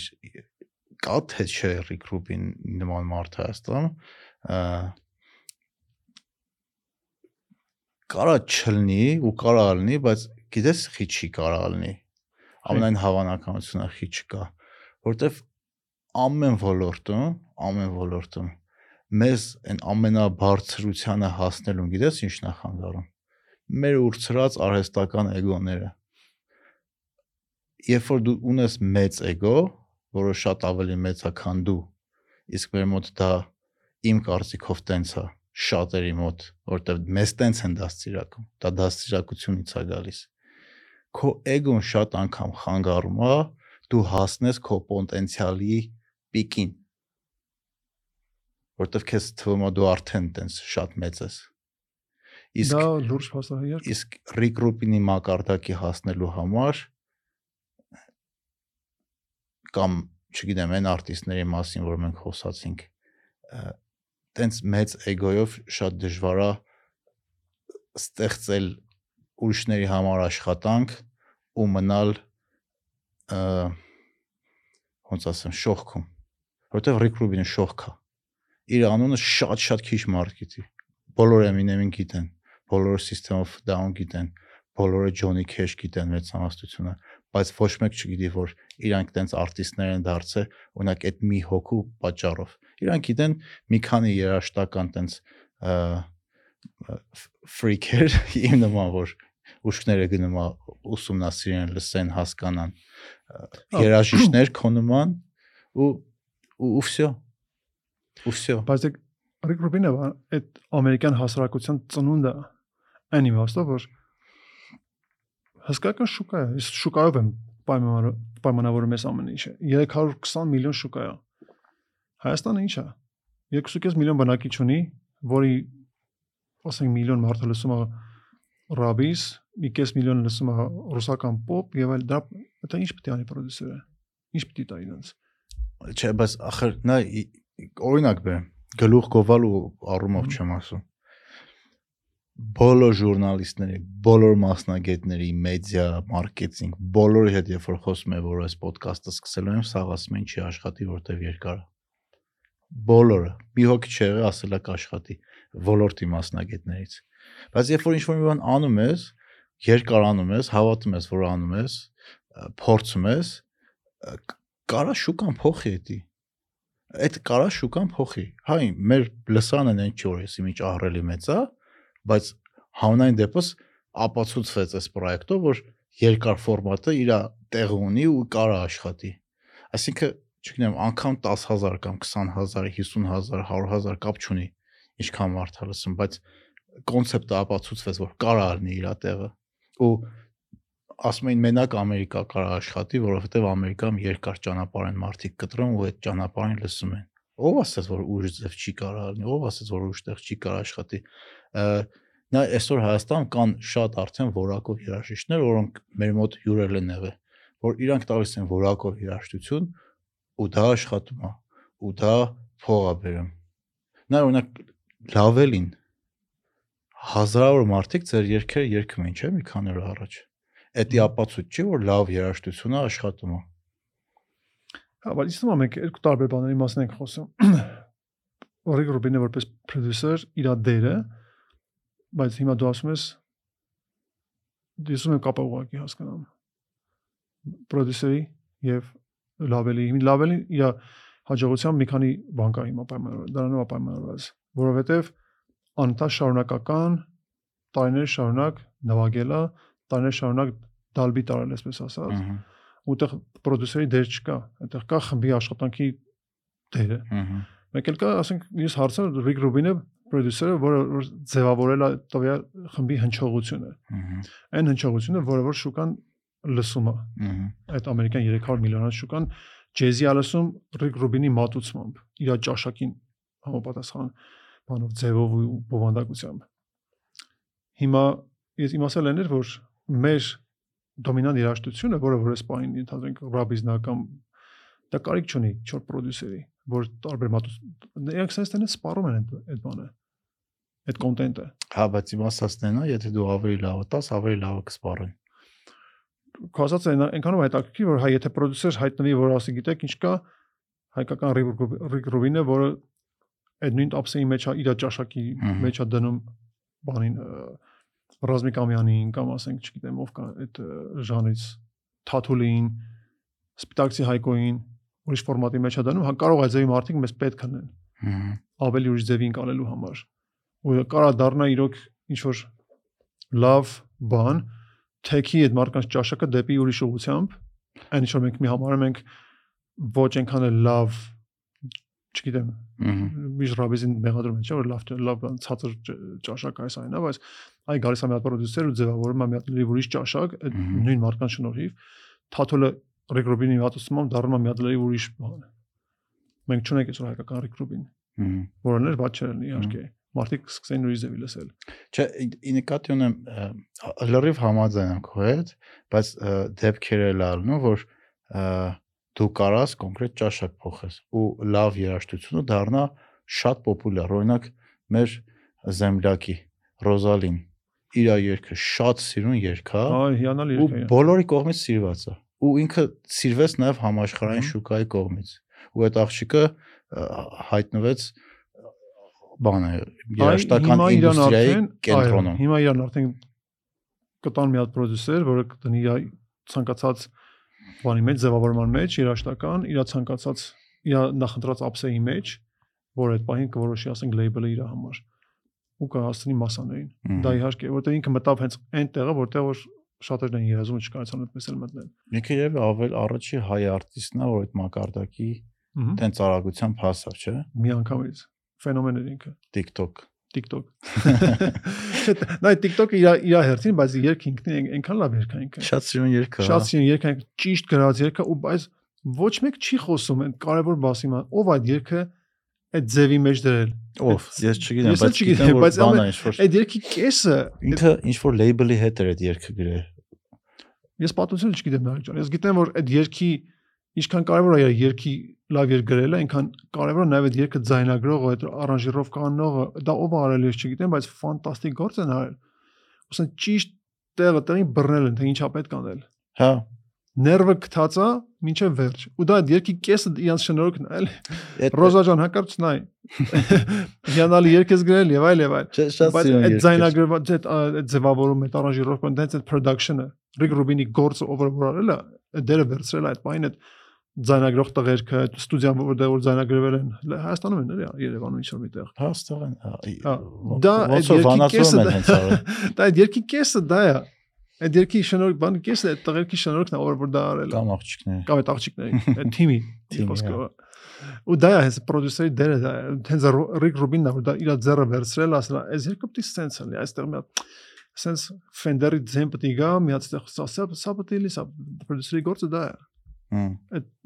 բանը ձևավորել է երկի վերջնական հնչողությունը տեսքը ձևավորելն է իսկ Ռիկ Ռուբինը տվել է իր ճաշակ ասել այ այս անկյունից դուք լսեք Իսկ դա մեզ մենք ճունենք հայկական մեկը չկա որ ասի գիտեք ինչ կա դու պիտի այս անկյունից լսես թաթոլին։ Այդ դից անկյուն չկա թաթոլի երկու որը լսում են ուռա։ Վերջ։ Բայց հետաքրքիր է, չէ՞, մարդկանց։ Օրինակ Ռոզալի օրինակն է, ը, քո օրինակն է, ոնց է էլի տենց արագ մարդու կյանքը փոխվել։ Դե ամեն մեկի դեպքում տարբեր է իհարկե, բայց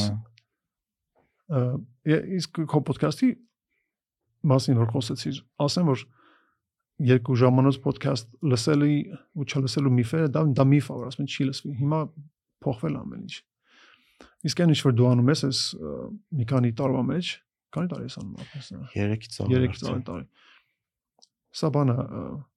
առաջամարտիկ, սա ասում են pioneer, անգլերենով։ Ոչ մեկ քեզանից առաջ կարծեմ չի արել sense բան։ Հիմա արդեն անում են, ավելի երկար ոդքասթներ են անում բան։ Կարպիսանք այնտեղ բան։ Բայց քոնը մի ձևի իր տեղը գտել է իր անմիջականությունը, բազմազան թեմաները, ոչ բան, սկրիպտ Հա, գրված, հա, սցենար չկա գրված, էլի ոնց Հա։ պետք է լինի։ Խոսակցություն է, ոնց որ խոսային ասենք մեր հայաթում նստած։ Հմ, Հարցազրույց չի, բան չի որ ասես, բայ, իսկ ինչպես այսպես բանս եղավ։ Խոսում ենք, ջուր ենք խմում, ծիծաղում ենք ու դու քո բանի շնորհիվ հա- հավաքում ես այն ինչ որին արժանի ես։ Մերսի շատ։ Մեծ աուդիտորիա ունես դու, Նարեկ ջան։ Հա որ։ Ես չեմ հիշում դա նույնիսկ ոնց բան արեցի։ Գտա քո ոդքասթը պատահական, սրանից մի տարի առաջ երևի, ավել մեկ կես տարի առաջ դες։ Ու սկսեցի լսել ու տարավ։ Հա։ Որներ առաջինը որ լսել ես տենց հետաքրքիր է։ Երևի կարող Ռուբեն Վարդանյանն էր։ Բայց առաջինը չէր։ Մի քանիսը կար Ռուբեն Վարդանյանը գնաց շատ կան։ Այս օրգանիկ կանալիս էր։ Հա։ Գալիս էր, լսում էի։ Նարեկը նոր էպիզոդ բերեց, գնացի։ Հենց հետաքրքիր է մարդիկ ոնց են այդ օրինակ մի հատ աղջիկ Instagram-ում reel-էր սարքա, այնքան եմ խնդացել, ասենց մեր ոդկասթն ամիացրած Տաշի հետ էր ինքը տենց պիլիսոսով կանգնած է փոշեկուլով ասում է որոշել էի գործանելուց մի բան հետաքրքիր լսեմ ու տենց կանգնած մնացել է գործ չի արել ու հետո լիքը մարդ գրեց այդ որ շեյր արեցի այդ աղջիկին թագ թագեր արի Instagram-ում շեյր արեցի լիքը ասենց շատ քանակությամբ մարդիկ գրեցին որ մենք էլ օրինակ գործանելուց լսում ենք տան գործանելուց հարցուկ անելուց չգիտեմ ինչ ինչն էր ամենաշատ բռնող մասը, որ անսովորություն էր, որ պիտի ասի իրար իրար գով- գովելով գնում ենք էլի, բայց որտեղ ընկել է ասեմ էլի։ որ խոս խոսացող քո հյուրին, այսինքն որ գալիս է խոսակցին, լսելու կարողությունը։ Ստանդարտ ինտերվյուները, հարցազրույցները բան։ Նա խոսում է, չի թողում հյուրը մի բան խոսա, հարցազրույցավարը, ելի մի բան ավել ասա, ելի մի բան խոսում է։ Հարցազրույցը իմ տեղը նստողի դերը մի ձևի դառնում է համարը նպաստասուսիչ։ Հմ, այս ոդքասթը դա ժխտում է կամա թե ակամա դու լսում ես խոսացողին հիմա ես խոսում եմ դու լսում ես ու ոչ թե լսում ես այլ լսում ես Հա, հենց լսում ես էլի այդ դա մեծ տարբերություն է դրա համար մարդիկ զգում են մարդիկ հիմար չեն մարդիկ անկեղծությունը գնահատում են մարդիկ անմիջականությունը գնահատում են ու դա լսելու կարողությունը նկատում են մերս շատ։ Բանը ը, հա որտեվ ինքի սկզբանը եղել իմ համար ես միշտ ասում եմ հոբի այն բանը որից ես հաճույք եմ ստանում իսկ ինչ որ այն անել ինչ որ բան անելուց երբ որ դու հաճույք ես ստանում դու անում ես ոնց որ ճիշտ ես գտնում այլ ոչ թե անում ես անելու համար քեզ աշխատավարձ չեն տալի հարց տալու համար էլի դու եսի չգիտեմ հավեսի շատ չեմ մտածել դրա հավեսի մասին համար ես անում դա Հա, հավեսի համար ես անում։ դրանով արդեն դու ան- անկեղծություն ես վերում ու ես էլ քո ասածը իմ օգտագործեմ որպես պատասխան ինքս ինձ համար որ դու ասացիր բարինակ մտքովը չի անցե փող բերող երաշտություն նվագես օրինակ ռապից բան չէ որովհետեւ ես ինչ որ հիմա ես անում եմ դրանից եմ ես հաջիկ ստանում Էտա ուրիշ բանից որ ես եթե ռապ նախ ես չեմ կարող ռապից երկեմ մեկ մեկ որ կարող խմալ ժամանակ երկենք հա բանի համար կայ- կայֆորնելու համար ծառայելու համար բայց հա ես անում եմ ինչից որ հաճեք եմ ստանում հմ էտա Այսինքն փող առաջնային չի, չէ։ Նա օրինակ մեր ը, կարևոր է բայց առաջնային չի էլի sense ասեմ որովհետև հա այս կապիտալիստական հասարակության մեջ շատ շատ շատ բոլորիս մեջ մտել է, որ փողը շատ կարևոր է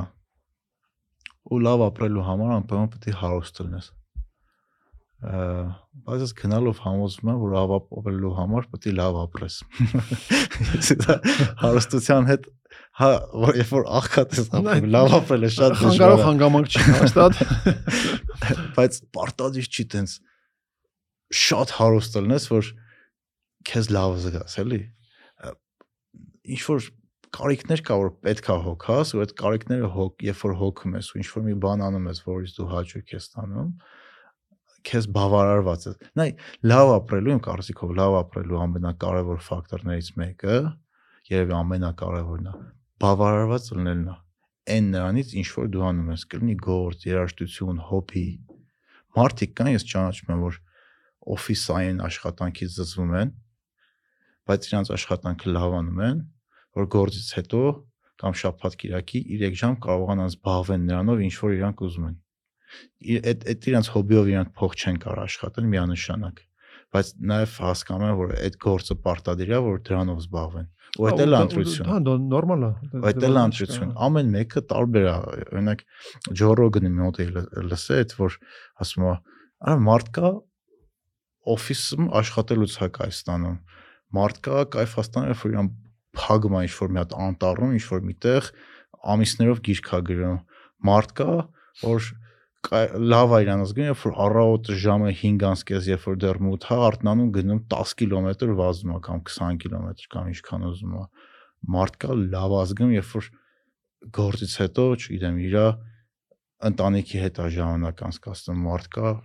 իր շան հետ քայլելուց այնքան տարբեր է այնքան շատ կա տարբերակներ լավ քո հաճույքը քո բավարարությունը գտնելու ու դա պարտադիր չի համընկնի ինչ որ մեկի հետ ում որ դու Instagram-ում ես տեսել կամ Facebook-ում դա քո համար է Հայաստան օրինակ նայ Ամերիկայի առավելություններից մեկն է որ եթե դու ինչ որ մի բան սիրում ես դրանից հաճույք ես ստանում դրանից բավարարված ես գնում հաստատ լիքը դրա նման մարդիկ կգտնես որտեվ Իհարկե։ 300 քանի միլիոնանոց բնակչություն է քո ամենափոքր ենթախմբից գոնե 100.000 հոգի կա լինի կգտնես Ստեղ օրինակ շատ անգամ ինչ որ մի բան որ դու անում ես ու դրանից բավարարված ես գնում կարող է մի հոգի երկու հոգի չգտնես ու օրինակ այդ առումով ստեմ մի քիչ ավելի Դե դժվար է փոքր երկիր է բայց մեկը չպետք է դու վատը զգաս նրանից որ այն ինչ որ դու անում ես ու դրանից բավարարվածություն ես զգում դա քեզ ուրախություն է պատճառում մենակ դու ես դանում, կապ չունի։ Արա։ Խիպդ ինչ որ մեկն է դրանից հասկանա, որ դու քեզ լավ զգաս։ Մի սպասի, որ ինչ որ մեկը հաստատելու է, որ դու լավն է, որ դու դրանից լավ զգաս։ Չէ, պարտադիր չի ինչ որ մեկը իր հաստատ հաստատ հաստատման պեչատը դնի որ ասի։ Լավ ես զգում։ Արա։ Խոչընդոտ չկա։ Արա։ Ես ինձ լավ եմ զգում, երբ որ մի հատ երգ եմ գրում ու վերջացրած եմ այդ երգը։ Այս վերջերս դրանից եմ լավ զգում։ Որ վերջ վերջի բառը գրեցի։ Որ- վերջացավ է վերջա։ Լիքը կիսատ երկեր կա մնացել է տարիներով։ Ես հենց որ վերջացնում եմ ասում, «Օ, այս ինչ լավ եմ ինձ զգում»։ Դա իմ վերջի լավ զգալու բանն է։ Դա լավ զգալու բաներից մեկը չէ։ Վերջին Հա։ հաշվը։ Ես ես վերջերս գիտես ինչից եմ սկսել կայֆ բռնեմ բարես բոն իմաստով ը, ը, սկսել եմ վազեմ ստաբիլ արդեն քանի ամիս է ու ഞാൻ օրինակ իմ համար դրել եմ որ այսօր պետք է 10 կիլոմետր վազեմ ուրեմն վերջի քայլը անում ես որ 10 կիլոմետր լրացավ գիտես ինչ հաճույք է։ կամ երբ որ դու գիտակցում ես որ դու դա արեցիր ընթացքում է որ արդեն ասենց գետի կոչվում է runners high երբ որ Նվաճումը վերջի։ Հա, է։ մարմինը սկսում է էնդորֆին արտադրել ու ու դու վազելու ընթացքում քեզ շատ լավ ես զգում, հա։ Այդ այդ չգիտեմ ոնց բացատրեմ, բայց այդ նոր հայտնա բերում լավ, եմ համար է դրա մասին սաղի հետ խոսում եմ ընկերներս կինս ասում արդեն գլուխներս տարար ենքան վազելուց խոսացիր Պոդքասթում հլա դեռ սաղի զալեն չեմ տարել վազելու թեմայով։ Ես կարծում եմ ոչ մեկի զալները չես տարել որևէ թեմայով։ Հենց որ օրգանիկ sense օրգանական գնում ես այս բանը։ Իսկ քո մոտ Կծա- փուլ էր ելնում, հա, որ ինչ որ մի բանով սկսում ես այդ փուլում շատ հետաքրքրվես, դրանով զբաղվես, կարդաս, սովորես, քո վրա աշխատես ու հետո անցնում գնում է։ Կամ մնում է, բայց ավելի քիչ։ Այ իմ հիմնական հետաքրքրությունները բանն ա եղել։ որ Մնացել է ուշ տարիքում ը մի քիչ հեռացել է, հետո էլի վերադարձել եմ դրան, օրինակ շախմատ խաղալը ինձ համար։ Հմ, 6 տարեկանից շախմատ եմ խաղացել մանյակի պես։ Մինչև ես վերջերս էլի նորից վերադարձա շախմատին։ Այդ ընթացքում հո- հոբիները, որ եկել գնացել են, եղել է հրացան կրակելը Ամերիկայում այդ է հոբին ոնց որ եկավ ու գնաց։ Հա։ Այդտենց հոբիներ եկել գնացել են։ Բայց տես մանյակալ է այդ պահը ելնում։ Օրինակ իմ մոտ մի բան որ սկսում է, ը, Ս- Սեբերուն սկսում ես հետևից։ հա սկսում եմ ասենց ահա որ ֆոկուս եմ ելնում դրա վրա, հա, սկսում եմ կարդամ, քննարկեմ, ի վրա աշխատեմ, սովորեմ, հետո կարող եմ մի քանի ամսից կորի։ Այդ այդտենց փուլեր շատ է մոտս եղել։ Հմ, տենց սկսել եմ մոտ կարդալը, որ սկսեցի աննորմալ քանակությամբ կարդամ ու տենց հետաքրքրվեմ դաժե ինչ որ տեխնիկաներ կարդամ, ոնց կարելի ավելի արագ կարդալ, հետո հասկացա այդ ամեն ինչը բուլշեթ է, պրոստը է կարդաս։ բայց մնաց ինքը, բայց ու- ուրիշ թեմաներ շատ հիմ- հիմա վազելն է, որը չգիտեմ կմնա թե չէ, բայց հուսով եմ կմնա, որտեվ ինքը շատ լավ հոբի է, վազելը շատ լավ բան է։ Ես իմը քայլելն է, քայլելը։ քայլելը։ Օրական ինչքան ես քայլում։ Առաջ շատ էի քայլում, հիմա մի քիչ ավելի քիչ։ Տարիքի հետ կապված է։ Հա։ Առաջ շատ շատ էի քայլում։ Հիմա փորձում եմ ասենք օրական գոնե մի ժամը պահեմ։ Մի ժամ եթե քայլեմ, բայց շուտ եմ հոգնում ես վերջերս։ Մի ժամից ավել չեմ կարող քայլել։ Դե Մի ժամն է լուրջ արդյունքը։ Ես ը, ե ավելի երիտասարդ տարիքում շատ-շատ էի քայլում։ Մանավանդ որ տրանսպորտը չկար։ Բանազորի մի ծայրի ծայր ասին 18 կիլոմետր եղել եմ մի քանի երկու անգամ քայլել եմ էլի տենց։ Ա բայց հա քայլել դա ամենալավ բանն է։ Վազելը իմը չի, Հա։ ասած ասեմ։ Մեծ ախպերներից մեկը մարաթոնիստ էր։ Իրան ասում «Ես ոնց է քեզ կան վազում։ Կինս է վազում, Հա։ մարաթոնից չասեմ, բայց գոնե կես մարաթոն վազում եմ, ասում եմ, ես կյանքից մեջ չեմ կարող կես մարաթոն 21 կիլոմետր։ կմեռնեմ։ Չեմ հասնի այդ բան եզրագծին։ Հա, բայց Մենք շատերս մեզ թերագնահատում ենք, որտեղ անընդհատ կոմֆորտի մեջ ենք ապրում, մեծ կոմֆորտի մեջ։ բայց երբ որ դու սկսում ես քո մարմինը ստրեսի ենթարկես, նենց հետաքրքիր բացահայտումներ ա գալի։ Ամենամեծ ստրեսը, որ կարաս մարմինը, որ ես ենթարկել եմ իմ մարմինը, դա մի ժամանակ մոդա էր։ Տակուսարը ցնցուը։ Հմ։ Նախ մտնում ես տակ ջրի ցնցուղ, տակ 30 վայրկյան, հետո մի անգամից փոխում ես սառ սառը ջուր, Այդա այդա այդա շոկային թերապիա ասեմ, ինչ ասեմ։ Հա, ես արդեն Այդ այդ այդ դարել է մի քանի ամիս։ ուղիղ արդեն կես տարուց ավել է կոնկրետ թիվը չեմ ասի, բայց մոտս նշել եմ երբ եմ սկսել դա արել ը, ամեն առավոտ, ամեն առավոտ, երբ որ լողանում եմ, վերջ 2 րոպեն սառը ջրով եմ լողանում։ Ու այդ Շոկային է։ հեշտ հեշտ չի դառնում, սովորում ես պրոստ։ Բայց գիտես ինչ տիպի ադրենալին օրգանիզմը տոք արտադրում այդ պահին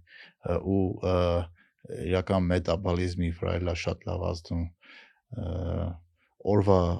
տրամադրությանդ վրա շատ լավ ազդում բենեֆիտներ վերջի, շատ ունի, հա։ բենեֆիտներ շատ ունի, Սառը առավելություններ։ ցնցող օրվա դրանով ես վերջ հասնում 100%։ Դա վայրի Դրանով սկսում եմ ասած։ իրիգունը, որ սառը ջրով լողանալ չեմ կարող քնեմ։ Իրիգունը կստացի իրիգունը չարժե սառը ջրով լողանալ, որովհետև քնից վրա Չէ, կազդի։ ես վերջի անգամ դարել եմ մի 8 տարի 8-9 տարի առաջ։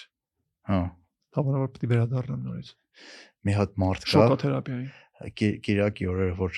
երկար վազքն է, հիմնական միշտում են բան, ձոր։ Այնտեղ մի հատ մարդ կա, երևի 60-ն անցա, բայց տեսքից կասես 45 տարեկան մարդ է, տղա է։ Բոբիկ է վազում ձորում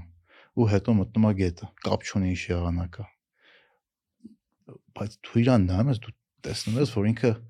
առողջ է Վայելում է։ ձիգ է ու աշկերի մեջ փայլ կա 65 տարեկան մարդ է աշկերի մեջ փայլ կա ինքը բոբիկ կարմա կիլոմետրերով վազի ու ցանկացած եղանակին մտնում է գետը ֆենոմենալ դեմք է Դու դու կկարողանայի իրավես այդ չգիտեմ ես ես կուզեի այդ տարիքում այդ տիպի ակտիվ լինեի այդ տենց դու փայլերների յոգա անում մաշկերի ես, ես մեջ եմ։ Դու ասել ես որ յոգա ես անում, չէ՞։ մեդիտացիա յոգա յոգա չէ չէ դեռ չեմ հասել այդ մակարդակին Դե կհասնես երևի։ Ես ես չեմ անում, չգիտեմ։ Մենք չի որ ես անում եմ քեզ ասում դու կհասնես։ Ես էս բանը չկամ։ Նորել եմ տարիներ առաջ, բայց հիմա մի հետաքրքրությունս փախել է ինչ որ առումով։ ինչի Չգիտեմ։ Երբ մի քիչ ծույլ եմ դարձել ավելի։ տարիք է ծուլացել ծուլացել ես հա? Մի քիչ։ ինչի՞ց է գալի մտածել ես? Հարմարավետ կյանքից երևի մի քիչ ավելի։ Ամերիկյան հարմարավետ կյանքից։ Օրինակ, խոսում էին օրը քրոջս հետ ես ունեմ հարմար ապրելու տարածք։ ըհը Տուն, տեղ, ստուդիա, որտեղ ունեմ տարածք ձայնագրվելու համար, նվագելու համար։ կոտանը քո համար Հա, ստուդիա է սարքել Ստուդիա, այս մի հատ կամպյուտեր ձայնագրին, որ կամպյուտեր համակարգիչ, որի վրա կարող ձայնագրես։ Միկրոֆոն եւ այլ այլ, փոքր basic նենց բաներ։ Բայց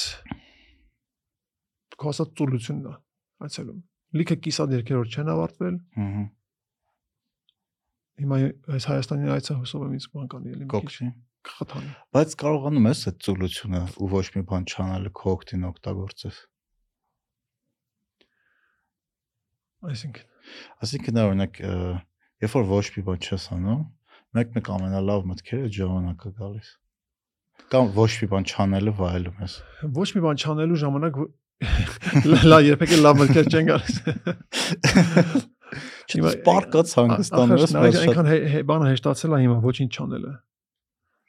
բայց ախր ոչինչ չեն կանում, հա, նստած սոցիալական ցանցում սոցցանցերը դա դա եմ ասում, այդ սա այդ ուշադրություն շեղող բաները լիքը լծվել են։ Սոցցանցերը Facebook, TikTok, Facebook-ը դեռ արդեն դինոզավրի ժամանակներից է մնալ։ Բանը ես ֆիլմեր, Netflix, ֆիլմեր, ֆիլմես նայում ես, ասան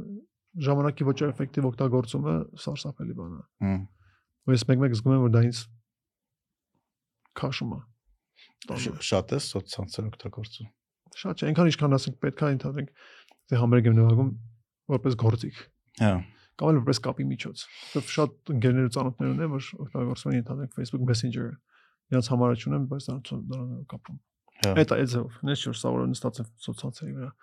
Բայց բոլոր դեպքերում բանը էլի ը, ուշադրություն շեղող բանը։ Եթե ուզում ես լավ արդյունք ստանաս, կար հնարավոր է մի քիչ շատ շաբլոն հնչի, ծեծած հնչի, բայց հեռախոսը մի կողմ ես դնում, համակարգիչը մի կողմ ես դնում,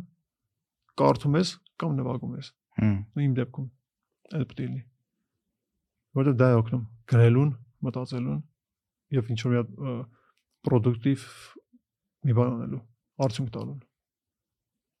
Ուրիշ ձև չկա։ Հա, դրան դրան տերմին է կոչվում է deep work։ Երբ որ դու բոլոր այդ ամեն ինչ ինչ որ քեզ հանգարում են կողմ ես դնում ու կոնկրետ ինչ որ մի բանի վրա մի քանի ժամ կամ մի քանի օր ֆոկուս ես անում ու աշխատում ես։ Օրինակ այդ առումով Վանաձոր գնալը շատ լավ էր։ Դա ժամանակ ավելի ուրիշ ձև է հոսում։ Հմ։ Այնտեղ կարող ես գիրք կարդաս, այնտեղ կարող ես նստես ոչ հանգստանաս, միտքդ մի քիչ ավելի ազատ պահես, բան։ Այդ առումով լավ է։ Երևանը որ եկա ոնց որ նոր Բաբելոն եղներ։ Խելագարանաց։ Որ բաց չէ, այսինքն 25 տարի առաջ է տենք էր ասում, չէ՞ որ ինչ լավ կլինի Երևանը մի օր դառնա բազմամշակութային քաղաք։ Հիմա հիմա այնքան բան է կատարում այս քաղաքում, որ չես հասցնում հետևես։ Հա, հա։ Բացարձակ։ Այդ առումով հետ գնալ Վանաձորը շատ էս թարմացնող մի անգամից էս ասես էս ինչ լավ է վերադարձ ակունքներին, էլի, այնց ոնց որ մարդիկ ապրում էին։ Իրա լավված կողմերով։ Երբ որ այնտեղ ոչինչ չի կատարում։ Հմ։ Բայց բաներ չէ, փոքր թվաց քաղաքը։ Շատ։ Դե փոքր կար, փոքր կա, ոչինչ չի փոխվել։ Բայց նենց նենց հետաքրքիր օրինակ, չգիտեմ, ոդկասթում այդ թեման խոստացել ենք թե չէ, բայց քո հետ կուզեի այդ թեմով խոսա։ Երբ որ փոքր էինք Վանաձորում, ապրում էինք,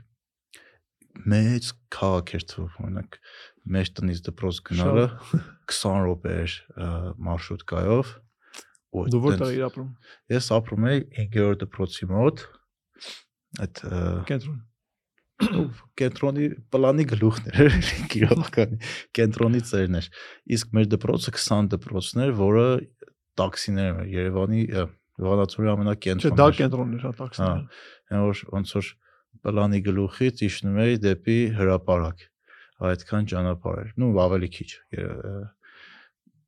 գազելով այդ գազելներով չնայած այն ժամանակ ռաֆեր ռաֆեր կար դեռ այդ տևում էր մոտավորապես 20 րոպե 15-ից 20 րոպե որ դա ինքան երկար ճանապարհ էր մի անգամ ոտով էինք գնացել մի անգամ չէ քանի անգամ որ երկար էր թվում կամ հիշում եմ արցակուրտներն Երևանում էինք ու մեր բարեկամներից մեկի տունը գնացինք, որը Արմենիայի մոտ էր Դավթաշեն։ Մենք էլ մնում էինք այդ ժամանակ երրորդ մաս, երրորդ մասում տուն ունենք։ երրորդ մասից Դավթաշենը ինձ թվում էր տենց ոնց ասեմ, Դա Նյու- Յորքից Լոս դա։ Անջելես եմ ծռել։ Այդ տենց երկար էր թվում։ Բայց հիմա այդ ամեն ինչ այնքան փոքր է թվում, այնքան հասանելի է, այնքան անգամ խեղտող փոքր է։ Բայց հետաքրքիր է դու այդ զգացում ունեցել ես այդ գնալուց գիրովական Վանաձոր։ Այդքան դե այդ զգացումը չես կարա չունենաս։ Եթե համատում ես Ամերիկայի նման հսկա վիթխարի երկրի հետ մեկ է գալիս ես գնես Վանաձոր, պստիկ ճնշված փոքր փողոցներով, փոքր մեքենաներով բան ասում ես այսքան փոքր տեղում ես ապրել փաստորեն։ Իհարկե կա, այդ զգացումը կա։ Բայց քո նման իմիջ այլոց ասեմ, ես էլ ապրում եի դիմացում, բայց դպրոցը գնում էի 6-րդ դպրոցում։ Մեր դպրոցը առաջ 6-րդ դպրոցն էր կպած։ ավտոբուսով հա։ ավտոբուսով դիմացից մինչև 6-րդ դպրոց երկար ճանապարհ էր։ Շատ երկար ճանապարհ էր։ Հա։ Դա դա ինձ էլ էր ժամանակի երկար ասահմանություն էր թվում։ Բայց հիմա փոքր, պստիկ։ Արագ։ Ու ինձ ինձ թվում է մի քիչ էլ ընդհանուր տենդենսն է, չէ՞, ձեր տենդենս չասեմ, ես սխալ տերմին եմ ասում, բայց մոլորակը փոքրացել է, հա։ շատ է փոքրացել։ Հա։ Տեղից տեղ գնալն է արագացել, կարճացրել է ճանապարհները։ Ամեն ինչն է պստիկ, պստիկ, պստիկ, պստիկ։ Երևանն էլ է պստիկ դարձել։ Շատ։ Իսկ այն ժամանակ իմ աչքին Երևանը մի հատ հսկայական բան էր։ Քաղաք էր։ Ահա։ Իսկ հիմա ասում եմ, հա, այս էր Երևանը։ Հա, ինքը որ շատ մեծ է Երևանը թվում, բայց հիմա տես շատ փոքր։ Հիմա քաղաք կապի է։ միջոցները ասենք շատացել են, տրանսպորտային միջոցներն են շատացել։ Երբ որ կարաս 16 ժամ մոլորակի ես մի կետից մյուս կետը գնաս հակառակ կետերից։ Այդ չի կարա իրազեկությունը չունենա։ Ամեն ինչի վրա։ ու մենակ այդ չէ, հետաքրքիր է կյանքի ընթացքում ոնց է մեր պատկերացումները շատ-շատ բաների մասին փոխվում։ Երազանքները ոնց է փոխվում։ Այդ ստենդափերը էի նայում, ով այսքանի օր համերգ ունի Հայաստանում։ Ասում եմ, երբ որ ես փոքր էի, տենց մեծ երազանքներ ունեի, որ կմեծանամ իմ մոտ ամեն ինչ կստացվի, մամայի համար մեծ կվարտիրատուն կառնեմ, բայց համա հիմա մեծացել եմ, հասկացել եմ, որ ամենայն հավանականությամբ ես մամայի կվարտիրան կծախեմ։ Իսկ դա բանազորը իրականությունը ծանոթ բան չի թվում։ շատ ծանոթ բան է։ Շատ իրոնիա կար դրա մեջ տխրություն, բայց նաև ծիծաղալ է։ Դա այ դա կատենց բան։ ու ոնց ոնց է այդ ամեն ինչը փոխվում էլի երբեք շատ անգամ է հենց նույն այդ սոցցանցերի ու անընդհատ այդ fake զբաղվածության խաթեր պատճառով ժամանակ չենք գտնում որ նստենք ու ռեֆլեկտ անենք սոցցանցերը անենք ամեն ինչի վրա Ահ- ահավոր բաներ են ու մանավանդ ավելի թափանցիկ են դարձրել աշխարհը, չէ՞։ թափանցիկ չէ fake ու fake թափանցիկ է fake որտեվ դու կարաս եթե դու կարաս այստեղ նստած live ռեժիմով նայես թե ինչա կատարում ամերիկայում նույն ժամանակ մարդիկ ոնց են ապրում բավական թափանցիկ է իմ կարծիքով այդ առումով Հա։ հա այդ առումով հա դու բայց հա բայց մյուս կողմից մարդիկ ստատուսներ են դնում տարբեր pictures տարբեր fake է իհարկե իրական չի ես մի քանի հոգի ծանոթացել եմ որ Facebook-ից էի ճանաչում հիմա նոր առաջի անգամ ասել եմ բարև եղբայր լիվ ուրիշ իրականություն է ըհը Facebook-յան Հայաստանը լիվ ուրիշ իրականություն է իրական Հայաստանը լիվ ուրիշ Միանշանակ։ իրականություն լիվ այդ այդ բաների մեջ մենք փորձում ենք խուսանավենք խարխափելով գնում ենք ե- Ես Facebook-ը հասցրել եմ ամիսը արդեն 0 րոպեի։ Account կա,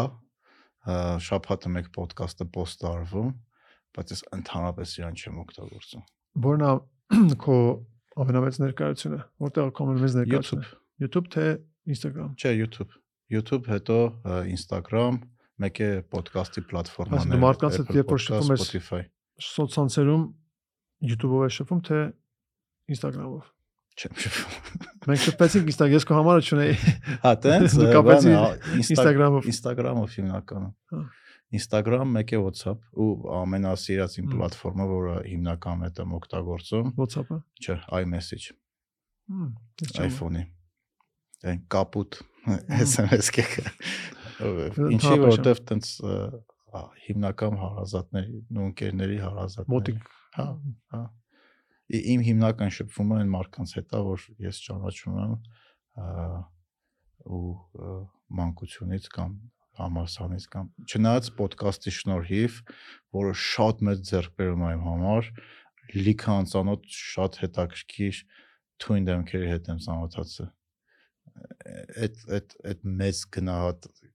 մեծ առավելություն է, էլի որ ինչքան տարբեր մարդկանց հետ եմ ծանոթացել ու ինչքան տարբեր մարդկանց երբ որ դու փորձում ես լսես, ընկալես, ինչքան է լայնանում քո մտահորիզոնը։ ես քո ոդկասթի շնորհիվ քեզ հետ ծանոթացա սկսենք դրանից հետաքրքիր բան է զուգահեռներ էի հասկացնում օրինակ չգիտեմ եթե գիտես թե չէ այս երաշտական բանը կա բլոգեր ասեմ յիկի երաժիշտ է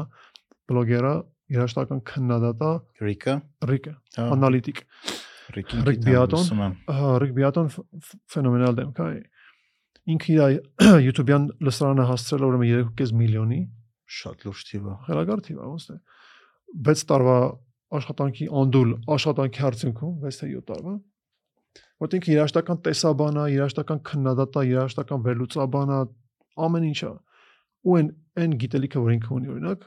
ոչ մեկ չունի։ հարցազրույցիա կանչում ենթադրենք Sting-ին հարցատալիս ալբոմներից, երկ առ երկ ու ամեն երկը գիտի ինչ է օգտագործվել երկի մեջ ոնց է ձայնագրվել ինչ է եւ որ թվականը դուրս ամեն ինչը քրքրած Թույն։ հասել է մի պահի որ այսօր ամենախոշոր երաժիշտները աշխարհում ամենախոշոր երաժիշտները իրաց համար պատիվա գնան Ռիկի հետ հարցազրույցի Հա։ եթե Ռիկը զանգում է իրաց կանչում է հարցազրույցի ասում է ուրեմն վերջ դու հասար սա քո վերջնակետներ Sting-ին ասեն հենց գիգանտ դեմք է որ Դե ինքը լուրջ դեմք է երաժշտության ոլորտում դարել։ շատ լուրջ դեմքով ինքն էլ է լավ նվագում էլի խելագար գիտարիստ է Ես իրանց խմբերին խումբը լսել եմ։ Սպասի, ոնց էր անունը սա կասեմ։ Այս վերջերս իր իր հին խումբ- խումբը թե այսինքն հին խումբը։ Ինքը լուրջ ասենք ջազային կրթության երաժիշտ է, էլի։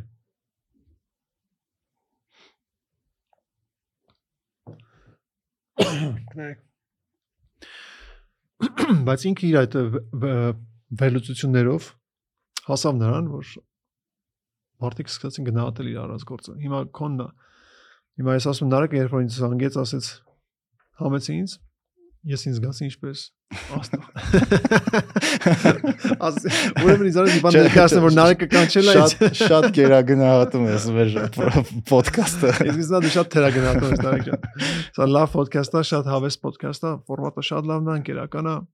Ես շատ ուրախ եմ որ դու եկար, որտեվ դրա մասին Facebook-ում գրել եմ, բայց ոդկասթում այն ժամանակ երբ որ օգտագործում եմ, երբ որ ես 2005-6 թվականում Ամերիկայում սովորում էի, որպես այդ exchange student կարոտը ահավոր խեղդում էր ու այդ կարոտը կարողանում էի տես մի քիչ սփոփեի քո երկերով դրա համար իմ համար շատ մեծ պատիվ է որ դու այսօր ստեղ ես ու ես երբ որ իմացա որ դու Հայաստան ես գալի այդ շանսը փորձեցի բաց չթողան շփվելու։ Ապրես։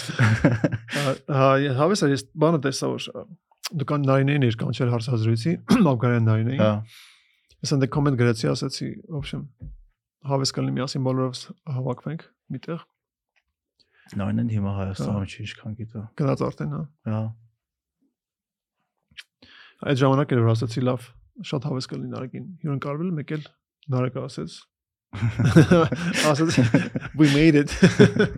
Всё, короче, դու քո կարիերայի պիկին ես, ռեառենջ Rearrange կանչելա որ պետք է գնաս։ Չէ, ի- իրականում Հա- հա- ա, հաստատ շատ այն բան չի։ էր։ Հավես հավ հավես բան ստացվեց, հավես էր ու ինձ համար էս ամենալավ էս ընկերական մտնոլորտային լավ մտնոլորտային զրույցն է։ շատ Որ ուրախ Չկան ասենք չոր սահմանափակումներ, բաներ, պաշտոնական բաներ պետք է չասես։ Զրուցում ես ոնց է կզրուցեիր ասենք քո ընկերոջ հետ, քո հայաթի մի հատ հա հասարակության հետ էլի։ հա այդ Պատմում ես Ամերիկայից ես պատմում, հնա հնացած բաներից ես պատմում, հին ու նոր բաներից։ տապշկի Տա- քան Տապաշկեքից։ Զիկոտ։ զիկոտ զիկոտ զիկոտ Զիկո, այն ֆուտբոլիստ է։ Զիկո։ զիկոտ տապշկից հասանք մեր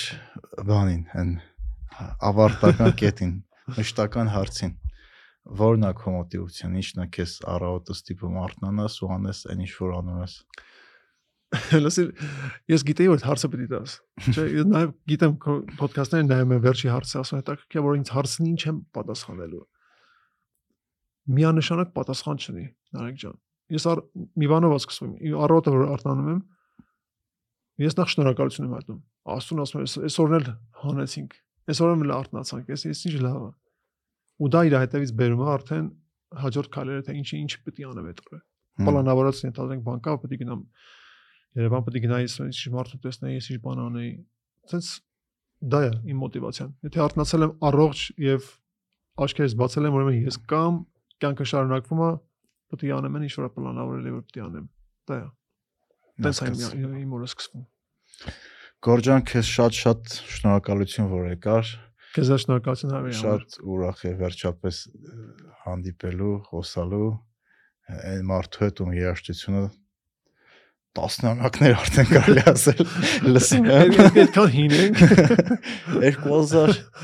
2001 թվից հաշվի էլի։ ես քեզ առաջ անգամ լսել եմ եթե չեմ սխալվում 2003 կամ 4 թվականին Վանաձորում ժամանակ դու Վանաձորում տենց բաներ